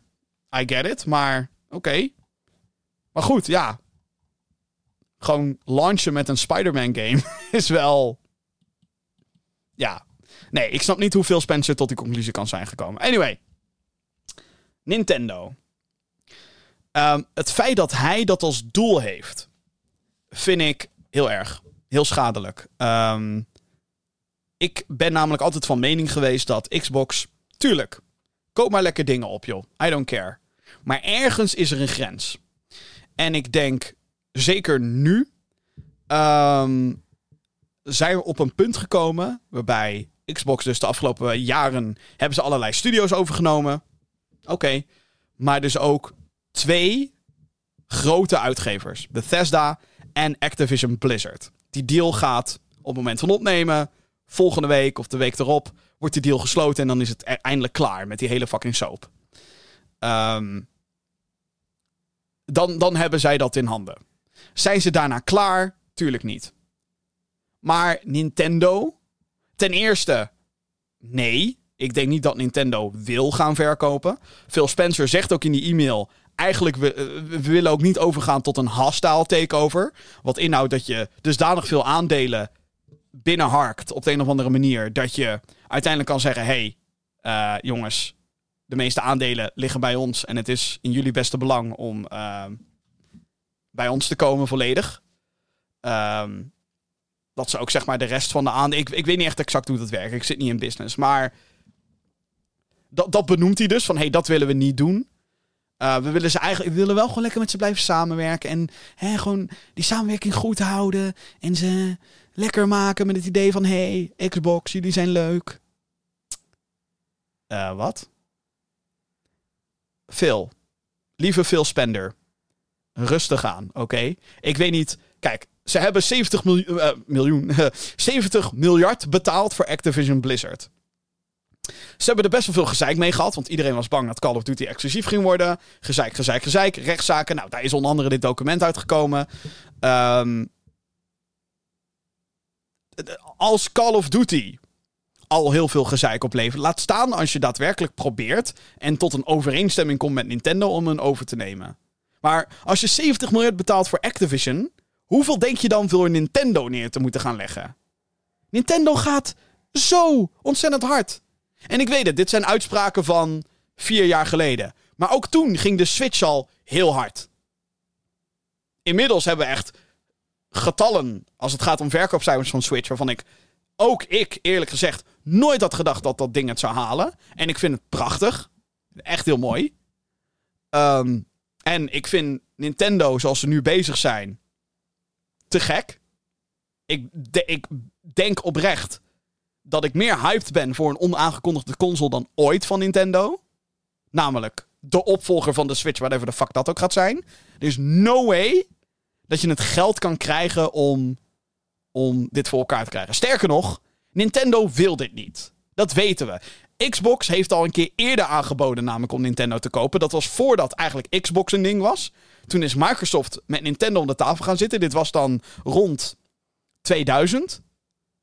En weet je wat Nintendo heeft gedaan? Die heeft ze fucking hard uitgelachen. Zo van... Really? fucking idiots.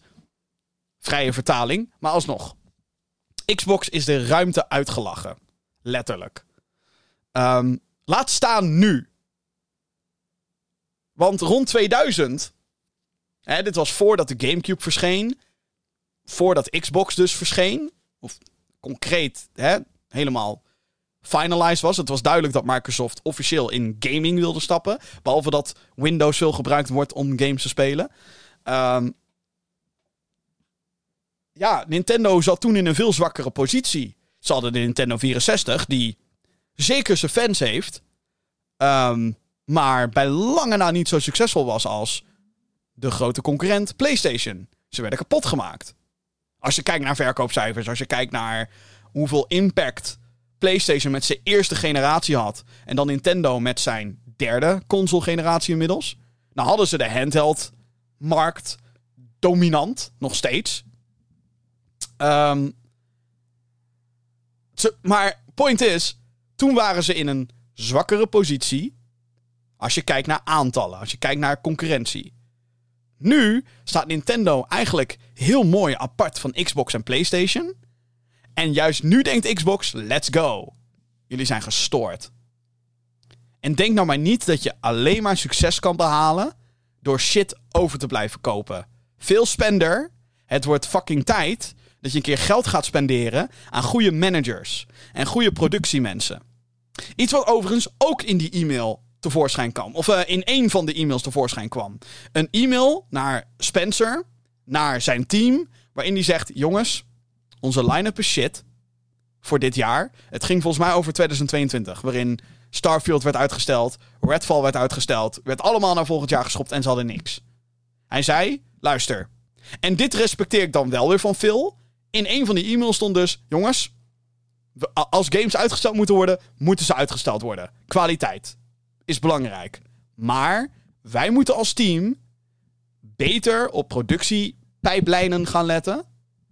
En veel strakker in de gaten houden wanneer iets af kan zijn. En wanneer niet. En dan moeten we beter doen met onze partners en eh, ontwikkelteams, et cetera, et cetera, et cetera. Dat vind ik dan weer goed, dat hij dat zegt. En dan daarna gaat hij beweren, ik wil Nintendo kopen. Of nou ja, daarvoor had hij gezegd: ik wil Nintendo kopen. Phil, hou je alsjeblieft aan dat e-mailtje. Wat je naar je team hebt gestuurd. Van jongens, we moeten kijken naar wat hebben we in huis. Wat is haalbaar en hoe kunnen we dit goed doen? Want zeker als je al je al, al, alles inzet op Game Pass, is het zo ontzettend belangrijk dat je een goede stroom van content hebt op een enigszins reguliere basis. Dat je in ieder geval één keer per kwartaal kan zeggen: Yo, we hebben nu een game, te gek. Eh, van, van onze eigen, onze eigen clubpie. En dat kan dan zijn Bethesda, dat kan dan straks zijn Activision.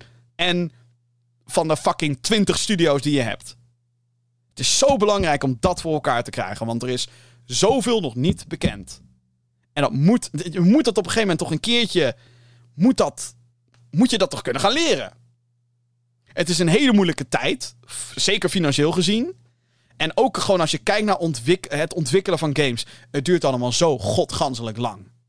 Niet normaal. Maar Xbox heeft verschillende gradaties talent in huis. Ze hebben bijvoorbeeld Double Fine. Die niet per se alleen maar grote games moet maken. Kijk naar wat Obsidian heeft gedaan. Die heeft Grounded gemaakt, Pentanent. Zijn nu dus bezig nog steeds aan Avowed, Outer Worlds 2. Dat is een goeie. Die hebben een shit voor elkaar. Maar je moet ook de zweep eroverheen slaan bij die partijen die gods... Hoe lang is Hellblade 2 nou al fucking in ontwikkeling? Die game werd aangekondigd als eerste ding voor de Xbox Series S slash X en het is er nog steeds niet. We weten nog steeds niet eens wanneer. Ja, 2024. Oké. Hoe moeilijk is het om naar 2025 van te maken? Niet heel moeilijk. Sorry. Maar kom op. Tempo. Managen. Zweep eroverheen. Let's fucking go. Je hebt veel spender. Je hebt nu meer dan genoeg. Echt meer dan genoeg. Maak daar eens een keer wat van. En tuurlijk, als er een studio is die op het punt staat van instorten. en die vervolgens bereid zijn om met je samen te werken. Sure. Why not? Klinkt keihard dit, by the way, maar dat is nou eenmaal de realiteit. Zie bijvoorbeeld een Ascended Studios met Immortals of Avium. Game is wat mij betreft meer dan goed. Prima game. Is gewoon keihard gefaald.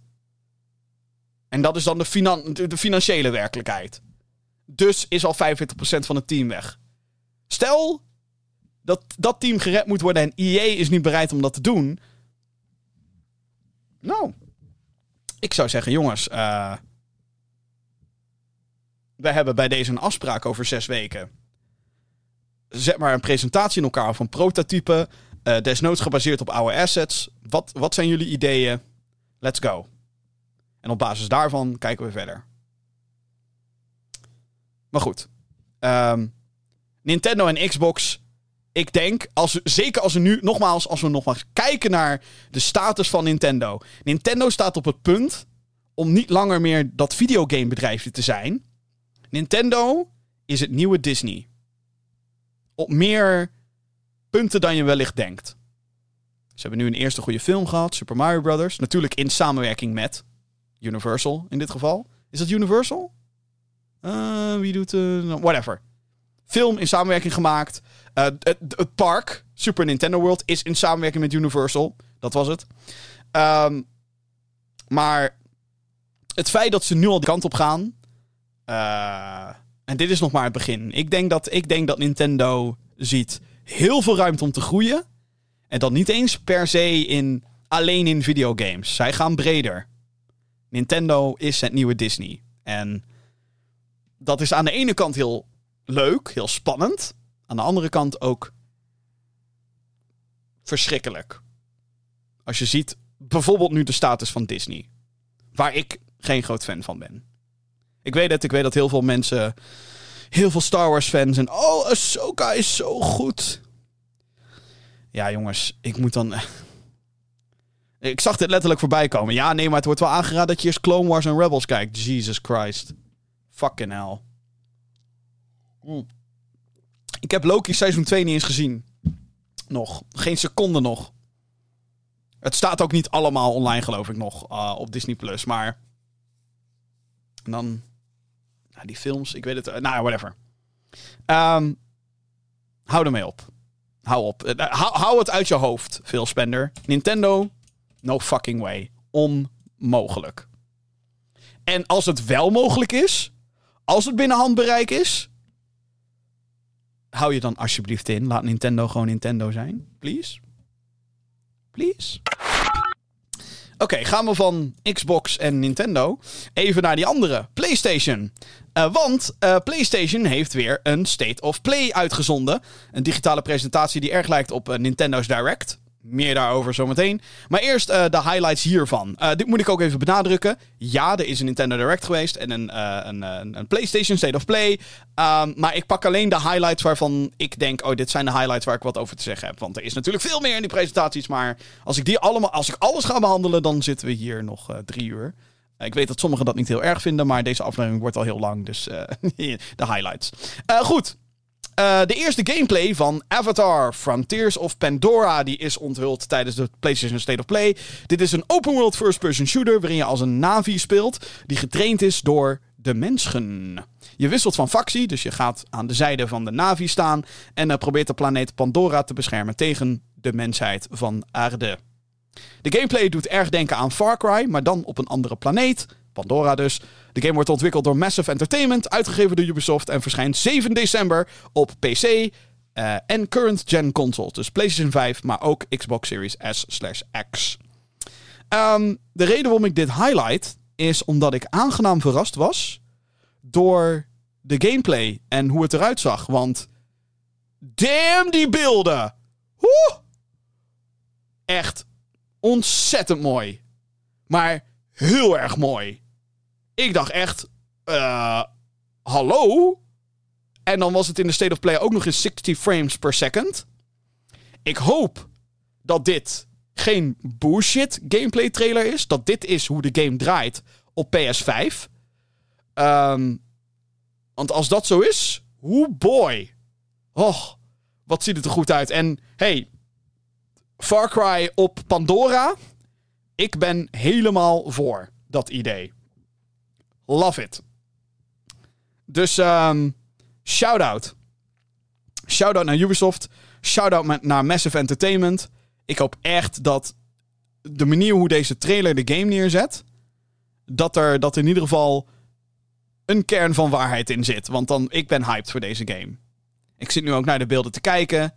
Damn son. En natuurlijk, heel veel in die trailer scripted. I know. Maar ik bedoel, jeetje. Sowieso, een, een Far, ja, wat ik al zei, een Far Cry game op Pandora, let's go. Ik, uh... nee, ik uh, vind het wel cool eigenlijk. ik vind het wel tof. Oké, okay. uh, Helldivers 2 die kreeg een showcase, een gameplay showcase. Werd er, er werd dus gameplay werd er, werd er getoond. Um, hierin werd de co-op third-person shooter gameplay actie uitgelicht. Het is dus een, een game. De eerste game was een top-down shooter. Deze gaat dus third person. Je speelt als soort van uh, huurlingen, heb ik het idee. Die naar bepaalde uh, planeten worden gestuurd om daar grote insectachtige aliens uit te schakelen. En je moet dat heel erg goed aanpakken qua samenwerking met je teammates. Want dingen zoals Friendly Fire staan aan. Dus je kan niet zomaar zeggen: Oh, uh, ik ga nu gewoon de boel bombarderen. En jullie zien maar wat jullie doen. Dat moet je echt wel goed. Um, coördineren met je teammates. Want voor je het weet bombardeer je je teammates. En nou, die zijn dan dood. En die kunnen dus wel teruggeroepen worden. Maar ja, als je overspoeld wordt door grote insecten, dan uh, ben je de lul. Um, ja, en er was, uh, tijdens deze trailer was een release date aangekondigd. Op 8 februari komt de game uit op PS5 en PC. En tegelijkertijd dus. De pre-orders zijn nu live en daaruit is gebleken dat de basisgame 40 euro kost. Kijk eens Sony. EA, hallo, luisteren we mee? Immortals of Avium had misschien ook 40 euro moeten kosten. En, want Helldivers 2 is 40 euro? Hm? Ik bedoel, dit is geen uber big budget game, geloof ik. Maar uh, dat is een hele mooie schappelijke prijs. 40 euro. Ik ben ook wel benieuwd naar het aantal content. Ik moet zeggen, het ziet er ook wel leuk uit. Maar dit lijkt me wel een game waarbij je echt, echt, echt, echt, echt uh, hè, met, met je vrienden op Discord moet zitten. Of via PlayStation Party, voice chat, whatever. Hier moet je echt een squad voor bijeenroepen. En ik denk dat om die reden alleen al dat het voor mij minder leuk wordt om te spelen. Want um, ja, ik, ik, ik weet niet of er meer mensen zijn binnen mijn vriendengroep met gamers die hierop zitten te wachten. Maar het ziet er wel heel goed uit, moet ik zeggen. Dus uh, goed bezig. Arrowhead, dat is de ontwikkelaar uh, van, uh, van uh, Helldivers 2. Even kijken hoor, Spider-Man 2 gameplay werd nog uitgelicht. Um, heb ik eigenlijk niet veel meer over te zeggen, behalve dat ik zin heb in Spider-Man 2. het was eerder gewoon, je kan op elk moment switchen tussen Peter Parker en Miles Morales. En er zijn veel missies en je kan sneller door de stad heen vliegen, omdat de Spider-Man hebben nu ook van die, van die vleugeltjes onder hun armen. Dus dan kunnen ze een soort van gliden. Dus nou goed, um, wilde ik toch nog even genoemd hebben. Het laatste grote nieuws was Final Fantasy 7 Rebirth die kreeg zijn volledige onthulling. Dit is het tweede deel in de Final Fantasy VII Remake saga. Uh, naast veel beelden, waarin duidelijk werd wanneer de game zich plaatsvindt in het hele Final Fantasy VII gebeuren. Uh, en nogmaals, indrukwekkende graphics. Want woe, dit vond ik er heel goed uitzien. Um, de release datum die werd ook onthuld. Ja, uh, 29 februari, dan komt de game uit. En fysiek op twee discs en enkel op PlayStation 5. Oeh, twee discs. Hoe lang is dat geleden dat we dat uh, gezien hebben voor een release van een game? Ik vind dat wel cool. Zo een beetje ouderwets. Oudere Final Fantasy games, zeker op PlayStation, kwamen ook op meerdere discs. En dat waren er geen twee, dat waren er meer. Ik weet niet eens hoeveel. Final Fantasy 7 origineel kwam op. Was het? Vier? Vijf? Echt insane. Want ja, er was zoveel in die games. En dan zeker met die uh, cutscenes die heel veel uh, ruimte innamen op een, op een disc. Um, ja, vet. Uh, ik, ik ben geen ubergrote Final Fantasy geek. Dus ik, heb hier niet, ik kan hier niet heel veel commentaar op leveren, in alle eerlijkheid. Um, ik wil wel zeker Final Fantasy 7 Remake nog spelen. Daar ben ik volgens mij ooit aan begonnen. Heb ik niet heel lang toen gedaan, want er kwam van alles nog wat tussen. Maar ja, het ziet er wel gewoon heel vet uit. En um, ja, het, het, is gewoon cool. Ik, ik heb ook niet echt de affiniteit met Final Fantasy 7, van het origineel heb ik ook nooit gespeeld. Althans, ook nooit uh, als in uitgebreid en dat soort dingen. Maar damn graphics though, damn. Het is indrukwekkend, het is indrukwekkend. Dus um, benieuwd, ik denk dat dit wederom een win gaat worden voor Square Enix. Een tijdje na de State of Play, dus na deze hele digitale presentatie, werd duidelijk dat Jim Ryan, de CEO van PlayStation, met pensioen gaat. Hij gaat stoppen. Hij legt zijn functie in maart neer. Sony COO en CFO, die zal interim CEO worden van PlayStation. Ja, dus boven PlayStation heb je Sony. Um, een daadwerkelijke opvolger die wordt nog gezocht. Jim Ryan is al 30 jaar betrokken geweest, of die is 30 jaar betrokken geweest bij PlayStation en nam sinds 2019 de, CEO, de CEO-rol op zich en werd dus een beetje het gezicht van PlayStation. Ook in uh, PlayStation Showcases en zo zag je hem dan van hey. Hij zei ook meestal iets in de trant van we'll let the games do the talking, weet je wel? Here are the games en dat soort dingen. Um, ja, opvallend. Uh, mensen, uh, heel veel andere gaming podcasts heb ik al gehoord over wat is dan de nalatenschap van Jim Ryan? Wat gaat hij nou achterlaten? Hij laat een heel gezond, doch onzeker PlayStation achter zich. Gezond in de zin van de PS5 gaat ontzettend goed. Um, het is de, een van de grootste gamingmerken ooit. En ik denk dat het groter is dan ooit. Sterker nog, onlangs kwam er een onderzoek uit waarin bleek dat 39% van, um, van de uh, huishoudens in Nederland hebben een gameconsole. En daar was het merendeel van PlayStation. Verrassend genoeg. Scheelde niet heel veel met Nintendo. Volgens mij was het 60% PlayStation en 53% Nintendo. Uh, en Xbox volgens mij 22 of zo. Echt veel minder. Um, dus, dus ze gaan heel goed. Waarom ik dan ook onzeker zeg, is omdat PlayStation nu meer de transitie maakt naar live service games. En um, dat ik wel het idee heb dat ze ergens willen zoeken naar. Wat is ons volgende grote ding? En die hele live, dat hele live service gebeuren gaat dan niet echt van een leien dakje. Want ik denk dat het. Voor mij is het althans duidelijk. Die Last of Us multiplayer game had al lang uit moeten zijn geweest. Komen dinges. Al lang. Echt al lang. Die game zit in development hell. Sterker nog, het zou me niet verbazen als die inmiddels gecanceld is. En dat het team nu gewoon naar Last of Part 3 gaat. Um, wat heel veel miljoenen en heel veel tijd heeft gekost voor die studio om daar iets van te maken. En gaat dan niet door. Of het, gaat nog wel door, maar moeten ze nu allemaal dingen reworken en dat soort dingen. Het, duurt allemaal zo lang. Dus, ik denk dat PlayStation van, van alle partijen het meeste moeite heeft met de steeds langer wordende ontwikkelingscyclus. Uh, kijk naar Horizon. Horizon Forbidden West is een prachtgame. Begrijp me niet verkeerd. Maar het leent heel veel van de eerste. Heel veel animaties, heel veel gameplay mechanieken. Heel veel. En dat is niet erg. Nogmaals, begrijp me niet verkeerd. Maar dat is natuurlijk overduidelijk makkelijker dan alles weer van de grond af aan opnieuw maken. Of iets helemaal nieuws maken. Zoals Horizon Zero Dawn, de eerste. En toch heeft de tweede vijf jaar geduurd. Voordat het uitkwam. Holy shit. Damn. Dat is lang. Heel lang. Vroeger was dat een jaar, twee jaar.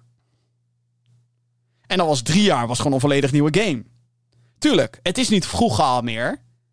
Maar het is heel lastig om op deze manier franchises vooral vol te kunnen houden. Dus ik ben heel erg benieuwd hoe PlayStation dat tegemoet gaat. Het hele live service gebeuren is natuurlijk ook maar hopen dat iets slaagt en hopen dat een playerbase blijft plakken. Daar is gewoon. En, en, en dit is de grap. Je kan weet ik hoeveel formules verzinnen om spelers vast te blijven houden. Je kan zeggen, oh, we hebben een roadmap van zoveel content, uh, content updates. We hebben, een, we hebben een battle pass. En we hebben de, oeh, het is multiplayer. En we, we gaan continu gekke live events doen. Het je kan het allemaal wel gaan verzinnen. Maar, zoals keer op keer bewezen wordt, je moet een goede game hebben. Goh. Hè? Fortnite is echt niet nog steeds zo populair omdat het een shitgame is, hoor. Omdat ze een goede basis hebben, die ze continu hebben uitgebreid. Ook de gameplay, mechaniek, uh, dan veranderen ze weer wat. En ze hebben continu nieuwe updates geleverd, content en, en, en updates aan de game. En daar waar al een sterke basis stond.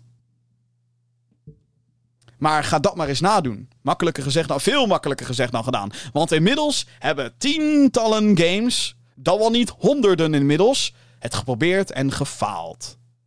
En ik weet niet of PlayStation het zich kan veroorloven om op die manier, zeg maar, shit naar de muur te gooien en kijken wat blijft plakken.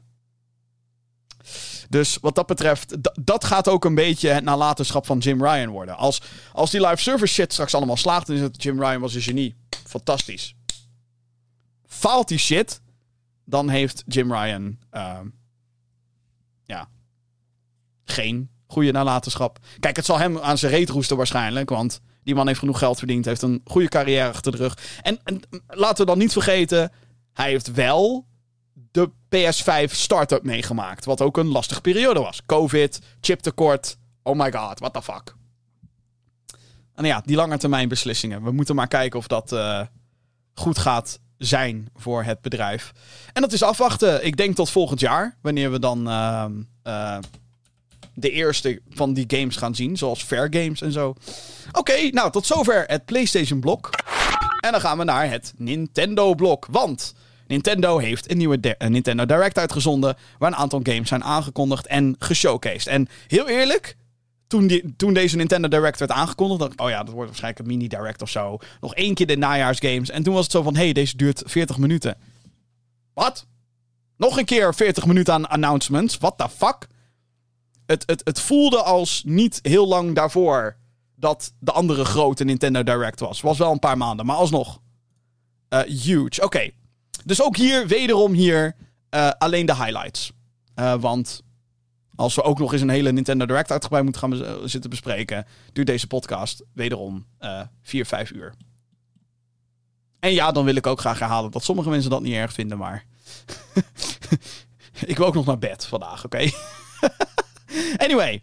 Uh, de eerste grote aankondiging was een remake van Mario vs. Donkey Kong. Oeh. Um, dit was van origine een titel voor de Game Boy Advance en diende als een opvolger voor Donkey Kong op de originele Game Boy. Wordt ook wel vaak Donkey Kong 94 genoemd, omdat hij in 1994 uitkwam. Het is een uh, puzzelspel waarin Mario in kleinere levels de sleutel van deuren moet zien te vinden om uiteindelijk daar weg te kunnen komen. En er zitten natuurlijk allemaal elementen die hem daarin tegenhouden. Uh, wat dan te maken heeft met items en, en springen en, platformdingetjes en dat soort dingen. Uh, in deze remake zitten naast vernieuwde graphics en audio ook een co-op stand. Mario vs. Donkey Kong verschijnt op 16 februari op de Nintendo Switch. Um, nou, dit is niet omdat ik uh, denk dat het slechte games zijn. Um, Mario vs. Donkey Kong heeft me eigenlijk nooit heel erg aangesproken. Ik ben nooit echt hyped geweest voor deze games. Heb ook nooit een van deze games gespeeld. Um, maar ja, dat ze dit dan alsnog op Nintendo Switch zeg maar aanpakken. Het was ook altijd een handheld game geweest. Het kwam altijd uit voor uh, de, de Game Boy Advance dus, maar ook voor de DS en de 3DS. En ik weet wel dat er op WiiWare waarschijnlijk wel en Wii U als downloadable game is er wel eens wat verschenen, maar um, werd nooit als een grote titel gezien. En ja, dat is natuurlijk ook het voordeel van de Nintendo Switch. Het is een console en een handheld hybride. Dus um, ja, ineens past deze game heel erg op uh, Nintendo Switch. Dus um, ja, nee, ik. Uh, het is niet een game waar ik per se van zeg, nou, jeetje, Mina. Moet nu gaan moet ik nu hebben. Maar. Nou, leuk. Soms kan dat ook zijn. Gewoon niet helemaal mijn straatje. Een game waarvan je zou zeggen dat het niet in mijn straatje zit, maar waar ik nostalgia voor heb. Dat zijn de Another Code games. Another Code. Another, another Code games. Uh, die krijgen een remake. De eerste, dat is Two Memories. En kwam eerst uit op de Nintendo DS in 2005. Ik voel me oud. Het vervolg, Another Code R, A Journey into Lost Memories, kwam in 2009 op de Nintendo Wii. Beide games worden vooral visueel verbeterd en puzzels worden aangepast zodat deze speelbaar zijn op de Nintendo Switch. De bundeling heet uh, Another Code Recollection en komt op 19 januari uit. Um, ik heb het origineel gespeeld op de Nintendo DS en vond dat zo'n leuke game. Ik vond het een uh, soort van. Het had een familievriendelijke, doch toch wel creepy sfeer. Qua verhaal en qua characters. Vooral ook omdat, omdat je een, een, een, een huis in gaat en er is de hele tijd een spook die, die met je meegaat. Waarvan je denkt, hé, hey, hoe komt dit, waarom is dit jochie nu al een spook? Zeg maar. Er is iets niet goed gebeurd daar in het huis waar je naartoe gaat. Dus het heeft een, het, het heeft een mysterieuze sfeer, maar ja, het, het, het, het is tof. Het is tof. De Wii-game, heb ik, volgens mij heb ik hem, maar heb ik hem nooit gespeeld. Maar de Nintendo DS game vond ik geweldig. Omdat het juist een. Uh, het was even wat anders. Het was een adventure game. En dat maakte toen, zeker toen, heel erg veel gebruik van de touchscreen van de DS. En ik kan me heel erg goed herinneren dat er. Uh, bij één puzzel kwam ik gewoon maar niet uit. Uh, want je moest ergens een stempel opdrukken. En ik snapte maar niet hoe. Ik was aan het blazen. Ik ging door alle kamers heen. Ik ging overal op een scherm krassen. Ik, ik snapte niet hoe het moest. Bleek dus dat je dus de Nintendo DS letterlijk moest dichtklappen om die stempel erop te zetten. Wat ik genius vond. Ik deed dat op een gegeven moment. Toen dacht ik, ja, ik zit nu bij de puzzel klaar mee. Klik. Toen deed ik hem zo weg. En toen later pakte ik dat ding op en dan puzzel opgelost. En toen dacht ik, no way. um, Another Code, Two Memories is dus een uh, bijzondere game voor mij. Het was, uh, wat, doet me dus denken aan, aan die tijd dat ik een Nintendo DS had. ik heb nog steeds een Nintendo DS, maar de tijd dat het nieuw was. Je snapt hem. En ook wel leuk dat het dus nu in remastered vorm er aankomt. De eerder aangekochte, uh, aangekochte, uh, aangekondigde game met Mario Royalty in de hoofdrol. Die kreeg de eerste gameplay en een naam. Ja, dit was een game die uh, in een vorige direct heel erg rap geteased werd. Maar nu hebben we meer details, zoals inderdaad een naam. Het gaat namelijk heten, we hebben het hier over Princess Peach Showtime. Uh, en het lijkt een casual actie-puzzelspel te worden. De game speelt zich af in een groot theater. Om langs bepaalde gevechten en locaties heen te komen, uh, moet Peach verschillende kostuums aantrekken. Die dan weer verschillende vaardigheden toevoegen. De game die komt 22 maart uit. Um, cool. Ik vond het heel erg leuk, de vibe van deze game. Dit is uh, waar Nintendo heel erg goed in is. En die denk ik heel erg goed gaat verkopen, ook vermoed ik. Ik denk echt dat heel veel mensen uh, hiermee Princess Peaches, Peaches, Peaches, Peaches, Peaches uh, nog verder in hun hart gaan sluiten. En het zou verdomme ook weer eens een keer tijd worden dat Princess Peach een eigen game kreeg. Uh, de laatste keer dat zij een eigen game kreeg trouwens was ook op de Nintendo DS. Um, maar ja, daar, daar was haar superkracht dat ze kon huilen. Haar emoties waren haar superpowers. En dan is dit toch net wel een stukje... Um, ja, stoerder, maar dan op de goede manier, bedoel ik dat. Um, er is bijvoorbeeld ook een kung fu kostuum waarin ze gewoon letterlijk enemies in elkaar trapt. Vind ik leuk. Het is gewoon cool, weet je wel, dat, dat ze dan Mario characters gebruiken, maar dan iemand anders even in de spotlight zetten. Want hey, Princess Peach doet gewoon mee in heel veel platformers, zoals in Super Mario Bros. Wonder die eraan komt. Hè? En uh, weet je, Yoshi heeft zijn eigen games, Luigi heeft zijn eigen games. Zometeen meer. Ehm, dus ja, ik vind het cool. En het, het, het ziet eruit als iets wat heel veel bekende gameplay elementen heeft, maar ook weer even net wat andere dingetjes doet. En ik vind het hele concept van een theater vind ik wel cool. Het is, eigenlijk is deze game een beetje wat Balen Wonderworld had moeten zijn, heb ik het idee. Maar dat is denk ik ook meteen een belediging richting deze game, dus ik ga snel door. Ehm, dan Tomb Raider. Tomb Raider 1 tot en met 3 die krijgen een remaster. Het gaat hier om de games uit 1996, 1997 en 1998. Die werden ontwikkeld door Core Design. De remaster heeft wat verbeterde visuele elementen, maar moeten niet gezien worden als remakes, zoals het in 2007 verschenen Tomb Raider Anniversary. De speler kan op elk moment wisselen tussen de oude en de nieuwe graphics, wat dus ook al meteen doet vermoeden dat de gameplay zo goed als onveranderd blijft. Op 14 februari verschijnt deze collectie Tomb Raider 1, 2, 3 Remastered op PC, PlayStation 4, PlayStation 5, Xbox One, Xbox Series S/X en Nintendo Switch. Hmm. Ik ehm, kijk hier met gemengde gevoelens naar.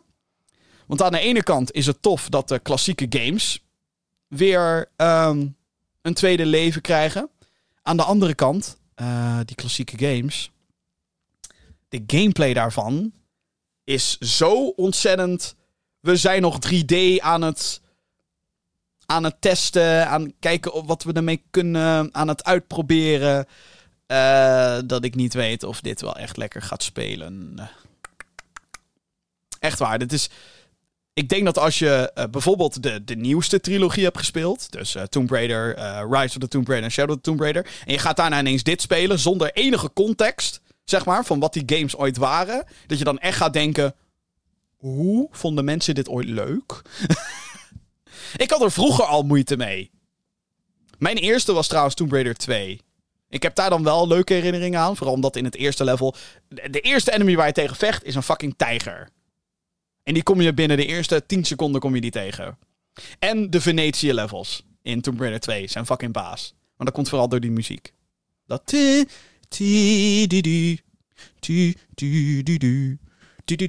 Er komt zo'n hyperactieve viool in. Nou goed. Moet maar een keertje opzoeken. Uh, en dat je daarin dan met een speedboot door, de Venetië heen ging. Dat was vet. Vond ik dan toen. Heel erg. Um, en uh, ik moet trouwens ook zeggen dat ook de visuele upgrade is niet heel erg... Niet heel erg goed.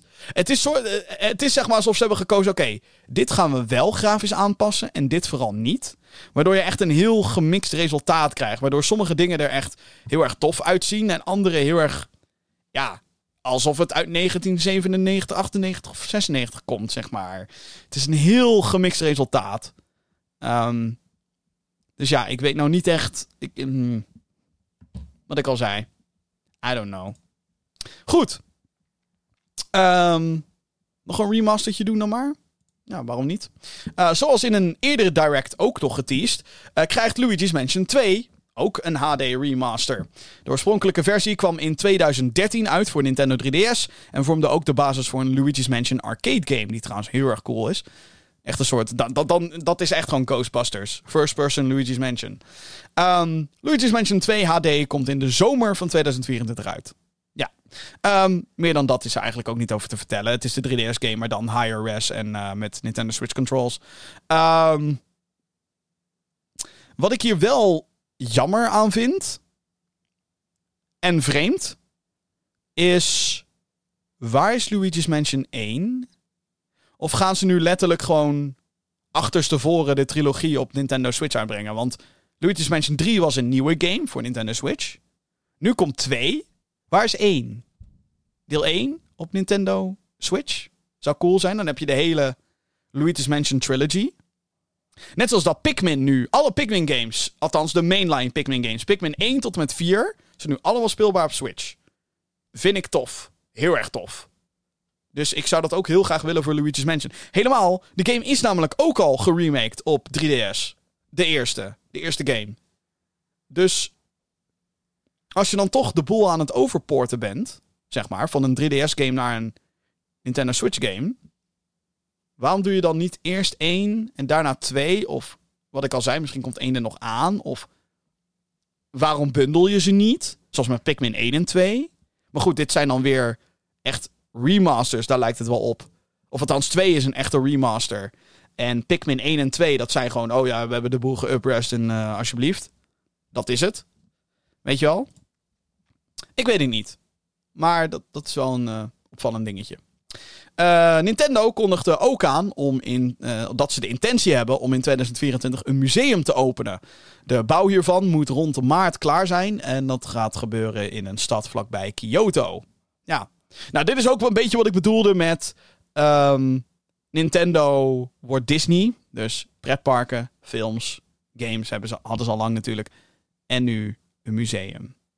Tuurlijk, het is een soort van, kijk, en het is ook in Japan, dus whatever. Maar ik zeg het maar even. Straks is er dus een, een dedicated plek waar de, de historie van Nintendo gevierd wordt.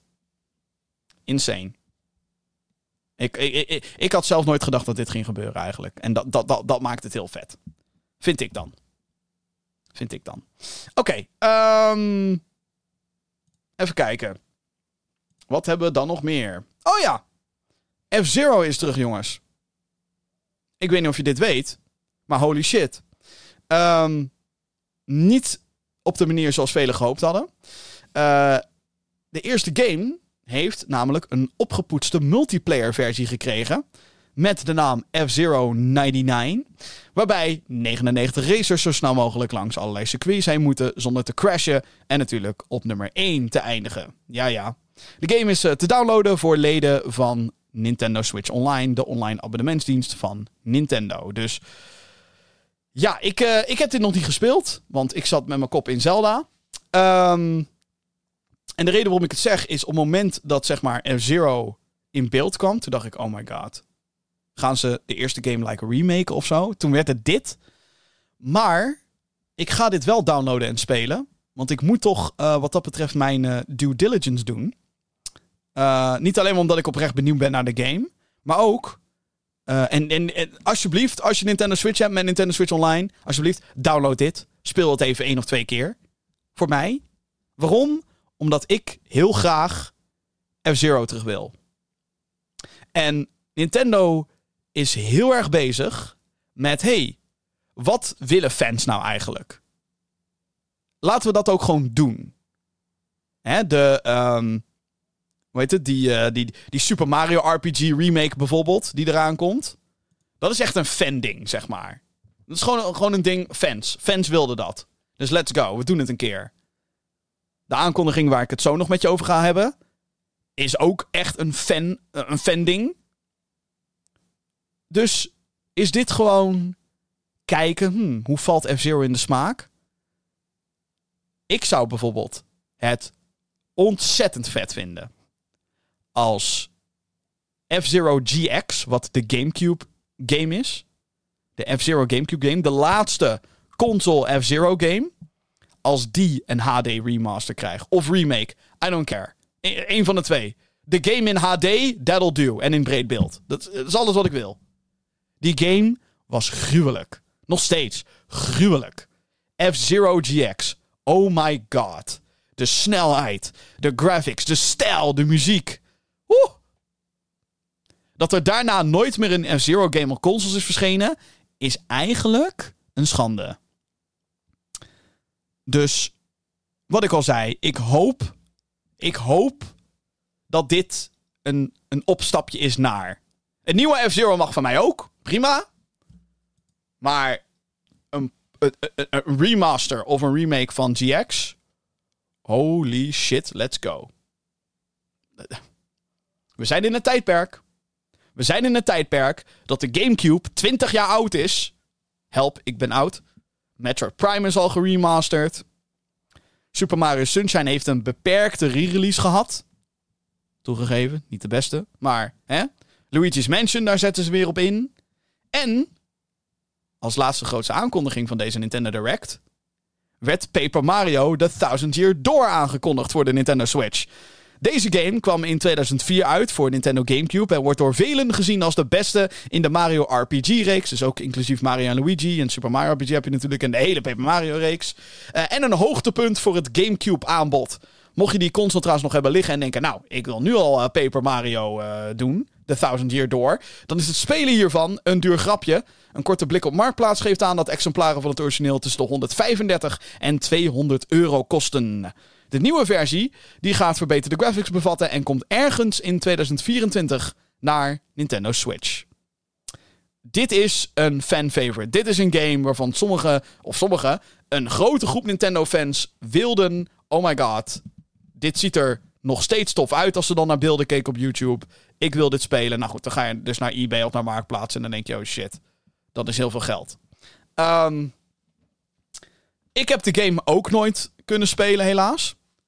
Ehm, de game had, geloof ik, al een beperkte druk. Wat ook een van de redenen is waarom die best waarom die best duur is. Omdat een game niet zoveel is geprint toen de tijd op discs als uh, noem een Super Smash Brothers of een Super Mario Sunshine of, of andere GameCube games. Um, dus dat maakt het nog daadwerkelijk zeldzaam ook. Uh, en dan is het ook nog eens een game die mensen. Ik, ik heb nooit iemand iets negatiefs horen zeggen over The Thousand Year Door. Um, dus ik vind het een geweldige aankondiging. En wederom een, een hint nadat Nintendo luistert naar de fans. En dat we in een fantastisch tijdperk zitten. Waarin, voor mij althans, waarin de games uit mijn jeugd een tweede leven krijgen. Oh my god, wat is dat vet. Um, of games die ik dus nooit heb kunnen spelen, want toen de tijd lukte het niet, uh, financieel of hè, had ik andere dingen te doen, whatever. Beperkte oplagen. En dan nu weer terug. Let's go. Nintendo. I love you. Dit is fantastisch. Geweldige aankondiging. Game ziet er trouwens super charmant uit. De characters, ik ken ze niet. Wel het een en ander over gehoord over bepaalde characters, maar... Wat, wat leuk, wat charmant. De, de charme uh, springt er gewoon vanaf, weet je wel. Um, de artstijl, fantastisch, leuk, te gek. Het enige wat er een beetje tegen zit is de framerate. De trailer was alleen in 30 frames per seconde. Ik vraag me af of ze dat nog gaan uh, opschroeven. Hmm, maar ik ben bang voor niet, ergens. Volgens mij draait het GameCube origineel namelijk wel op 60 frames per seconde. Dus dat zou wel heel vreemd zijn als dat niet met deze remaster, remake, whatever zou zijn. Goed, en dat was de Nintendo Direct. Althans, een aantal hoogtepunten ervan fantastisch. Wederom. Um, wat ik al zei. Uh, zeker als je fan bent van Mario en de characters en alles wat ermee te maken heeft. Dan zitten we nu in een, in, in een gouden tijdperk. Een fantastisch tijdperk. Uh, helemaal op de Nintendo Switch. Want damn.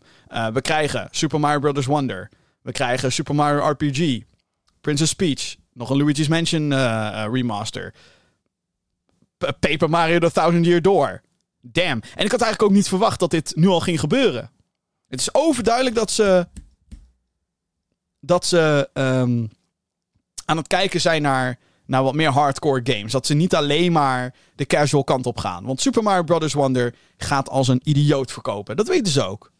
Dus, en, en Super Mario RPG en Paper Mario The Thousand Year Door hoeven niet zoveel te verkopen. Ik hoop dat ze het allebei heel goed doen.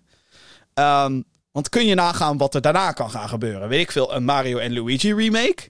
Next. Misschien krijgen we eindelijk een vervolg op Super Mario RPG. Als in Super Mario RPG 2. En heel eerlijk, door deze aankondiging ook, door die Paper Mario aankondiging, heb ik dus gewoon de neiging, ze hebben me, om die uh, Nintendo Switch Online plus Expansion Pass te nemen. Want de eerste Paper Mario is te spelen via Nintendo Switch Online plus Expansion Pass. Hebben ze heel slim gedaan. You sneaky bastards. Um, nou goed, eerst Super Mario RPG maar. Want die komt in november. Um, maar fantastisch. Ik, ik kan echt niet wachten om te zien wat ze nog meer in petto hebben. Ik heb wel het idee dat we richting het einde klinkt dan weer zo dramatisch. Maar ik denk dat het wel duidelijk is dat we. Ik voel de vibe. Ik voel de vibe van een opvolger. Ik voel de vibe van een nieuw Nintendo-platform. Het komt eraan. En ik hoop, ik hoop nogmaals dat dat ding backwards compatible wordt. Dat we gewoon alle Switch games op het nieuwe ding kunnen spelen. Zowel digitaal als fysiek. dat, als ze dat al doen, win. Instant win. Instant. Nintendo gaat zo ontzettend lekker. En deze Direct heeft, uh, wat mij betreft, bewezen dat 2023 plus 24 misschien nog wel het grootste jaar kan zijn voor de Nintendo Switch. En dat, uitgaande van verouderde hardware, want dat ding kan. Het is, een fucking, het, is inmiddels een fucking aardappel, oké? Maar het feit dat ze dit er allemaal mee weten voor elkaar te krijgen, is insane. Ik heb dat ook elke keer als ik Zelda speel, Tears of the Kingdom. Ik zit het dan te spelen en tuurlijk, het is grafisch niet het meest, hè, technisch het meest indrukwekkend en bla bla bla bla. En het draait niet op 60 frames per seconde, maar ik denk elke keer, holy shit, als ze dit met een Switch voor elkaar krijgen. Met hardware die in 2017 al verouderd was, laat staan wat ze kunnen met betere hardware. Mind is blown. Ik, ik heb geen idee. Maar het wordt heel spannend en heel leuk. En ik denk dat deze Nintendo Direct alleen maar weer. Het, het geeft gewoon aan. Hey guys. Klopt, we hebben niet de power van een PS5. We hebben niet eens de power van een PS4 op dit moment. Maar wij weten dat jij deze games fantastisch vindt. Want gameplay is king. Tuurlijk. Goede graphics en een leuke artstijl en dat het allemaal functioneert. Is ook heel belangrijk. Maar. Damn, Nintendo is goed bezig. Dus shoutouts. Shoutouts naar Nintendo en deze Nintendo Direct. Wat was deze weer ontzettend goed. Mits je dus van die games houdt. En Paper Mario The Thousand Year Door. Ik wil dit spelen. Heb jij een vraag voor de show? Nou. Mail naar podcast.gamergeeks.nl Oké, ja, als je dus een vraag hebt, uh, laat het vooral weten via uh, podcast.gaminggeeks.nl. Ben je niet zozeer van het mailen, kan je natuurlijk uh, commenten. Dat kan, dat kan je doen op de, in YouTube, op de YouTube comments. Als je nu de videoversie kijkt, zie je nu dat ik heel erg naar beneden wijs. Uh, waar dan ook mail podcast.gaminggeeks.nl staat. Um, uh, je kan bijvoorbeeld, uh, nou, op Spotify laat ik een, een Q&A-vraag achter. Um, en je kan dus ook recensies achterlaten. En deze heb ik even van Apple Podcast geplukt. Want ik had deze nog helemaal niet opgevallen. Of deze was me nog niet eerder opgevallen. Wat heel slecht is. Um, een, eh, een recensie op de Gaming Geeks podcast van Apple Podcast waar een paar vragen in zitten. Dus vandaar dat ik deze even meeneem, zo aan het einde van deze show. Uh, het is van uh, Willem, die zegt, beste Jim, Jij bent de reden dat ik podcast ben gaan luisteren. Oh, dank je. Ik luister nu standaard op maandag tijdens het Gamen LOL uh, naar de podcast. En ik ben elke week weer ontzettend blij als ik een nieuwe aflevering klaar zie staan. Inhoudelijk goed, leuke manier verteld en een fijne stem om naar te luisteren. Dank je. Maar, omdat jij een uitge uitgesproken mening hebt, en dat vind ik juist heel leuk, uh, ben ik benieuwd naar jouw antwoord op de volgende vragen. Vraag 1. The Last of Us of Horizon? Oeh, The Last of Us, denk ik. Ja, The Last of Us. Maar dat vind ik lastig hoor. De top 3 beste indie games. Dit is lastig, want er zijn er zoveel die ik tof vind. Maar als ik er nu even drie moet opnoemen. Ai, ai, ai, ai, ai, ai. Uh, ik heb onlangs Fashion Police Squad gespeeld. Fantastisch. Uh, ja, er is onlangs dus ook een livestream geweest. Van Realms Deep. Waarin allerlei um, boomer shooters werden geshowcased. Zeg maar. Uh, sh shooters die geïnspireerd zijn door games uit de jaren 90. Dan wel de vroege jaren 2000. Dus um, mijn, mijn hoofd gaat daar nu heel erg heen. Cultic moet ik meteen aan denken ook. Dusk is fantastisch. Um, indie games, indie games die ik echt helemaal te gek vind. Um, ja, er zijn er zoveel. Er zijn er zoveel. Um, hmm. Mm, Blasphemous 2 heb ik onlangs gespeeld. Die was echt fantastisch ook. Um, zal ik even in mijn Steam library kijken? Ik kijk, kijk nu gewoon... Want dit is zo'n zo'n brede vraag, dit echt een top 3 samenstellen, dat uh, vind ik heel lastig. Even kijken hoor. Uh, dat is geen indie. Dat is zeker geen indie. Lethal League is geweldig. nieuwe game van die makers, Barmara Cyberpunk, is ook echt... Dat is een vibe. Helemaal als je van de Jet Set Radio bent. Dat is echt oeh, heel goed. The Messenger, Sea of Stars, schijnt ook super goed te zijn. Nog niet aan toegekomen. Uh, is van dezelfde makers namelijk. Vandaar dat ik die twee dingen meteen aan elkaar koppel. Um, Stardew Valley hoor ik heel veel goede dingen over. Nightmare Reaper zie ik hier, die is ook goed. Uh, uh, One Thinger Death Punch, die is fantastisch. Um, kan je dat wel een indie game noemen? Dat is ook altijd een beetje ding, hè? Wat is indie wat niet tegenwoordig? Want alle games worden tegenwoordig uitgegeven door een uitgever.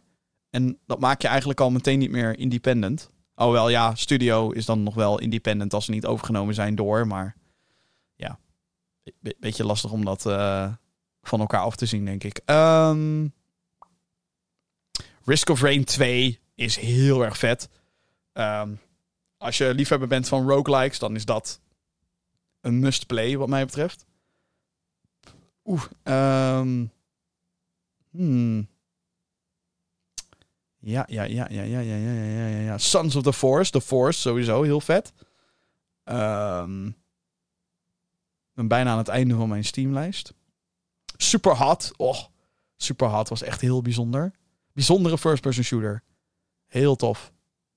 Nou, ik heb er nou volgens mij al een hele hoop genoemd. Was dat een top 3? Nee. Absoluut niet. Maar dat, dat is echt dat is een hele heftige vraag. Top 3 consoles. Um, Oeh. Ik denk. Het ligt er natuurlijk maar net aan hoe je ze gaat ranken. Kijk je naar de games. Mogen handhelds meetellen? Laat ik voor nu even zeggen, puur en alleen consoles, geen handhelds. En de Nintendo Switch kan op een televisie, dus dat is dan een console bij deze. Um, ik kijk dan vooral naar de games. Oeh, lastig dit. Ik denk. Oeh, oeh. Oké, mijn gut zegt PS4, Nintendo Switch, GameCube.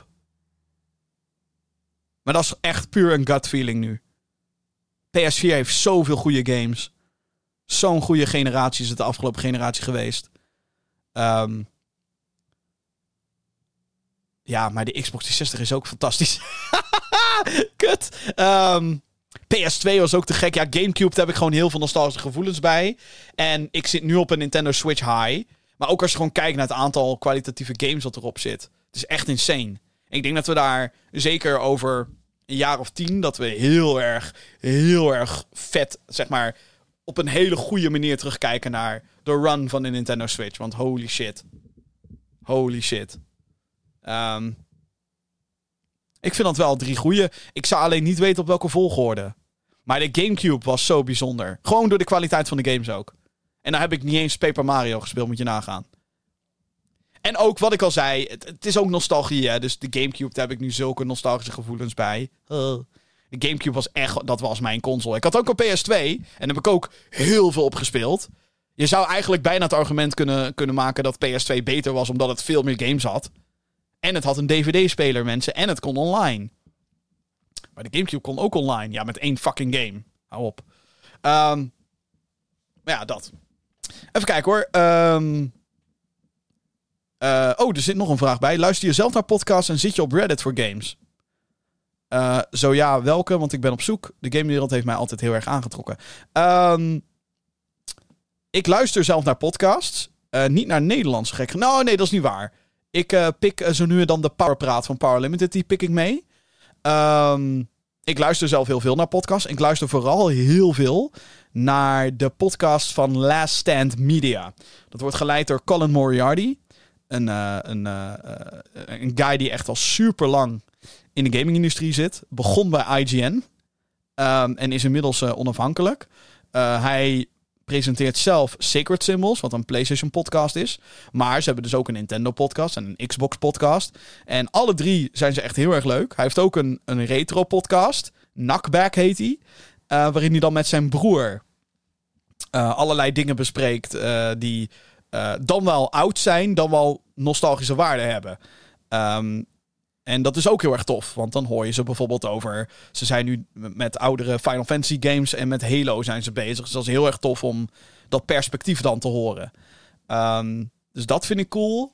Uh, ja, ik kan gewoon kijken naar mijn uh, lijstje hier weer. Uh, 3G de Pubcast is heel leuk.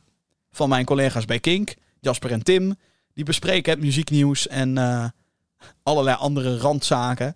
En ik ben ook geabonneerd, zie ik, op Details de podcast van onder andere mijn baas, Michiel Veenstra. Ehm, en eh, twee andere gigantische Disney-fans die het Disney-nieuws bespreken.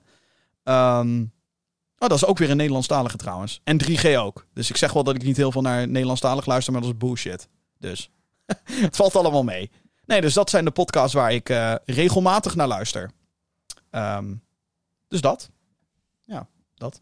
Even kijken hoor, stond er nog meer in het berichtje? Ja, uh, keep up the good work. Je hebt er sinds een week of acht, negen in ieder geval een trouw fan bij. Oh, dankjewel. Voor alle gamers is deze podcast zeker weten een aanrader. Vijf sterren, zonder twijfel. Hopelijk volgen er nog meer veel trouwfans. Dat hoop ik ook. Groetjes Willem. Dankjewel Willem daarvoor. Um, ja, dankjewel.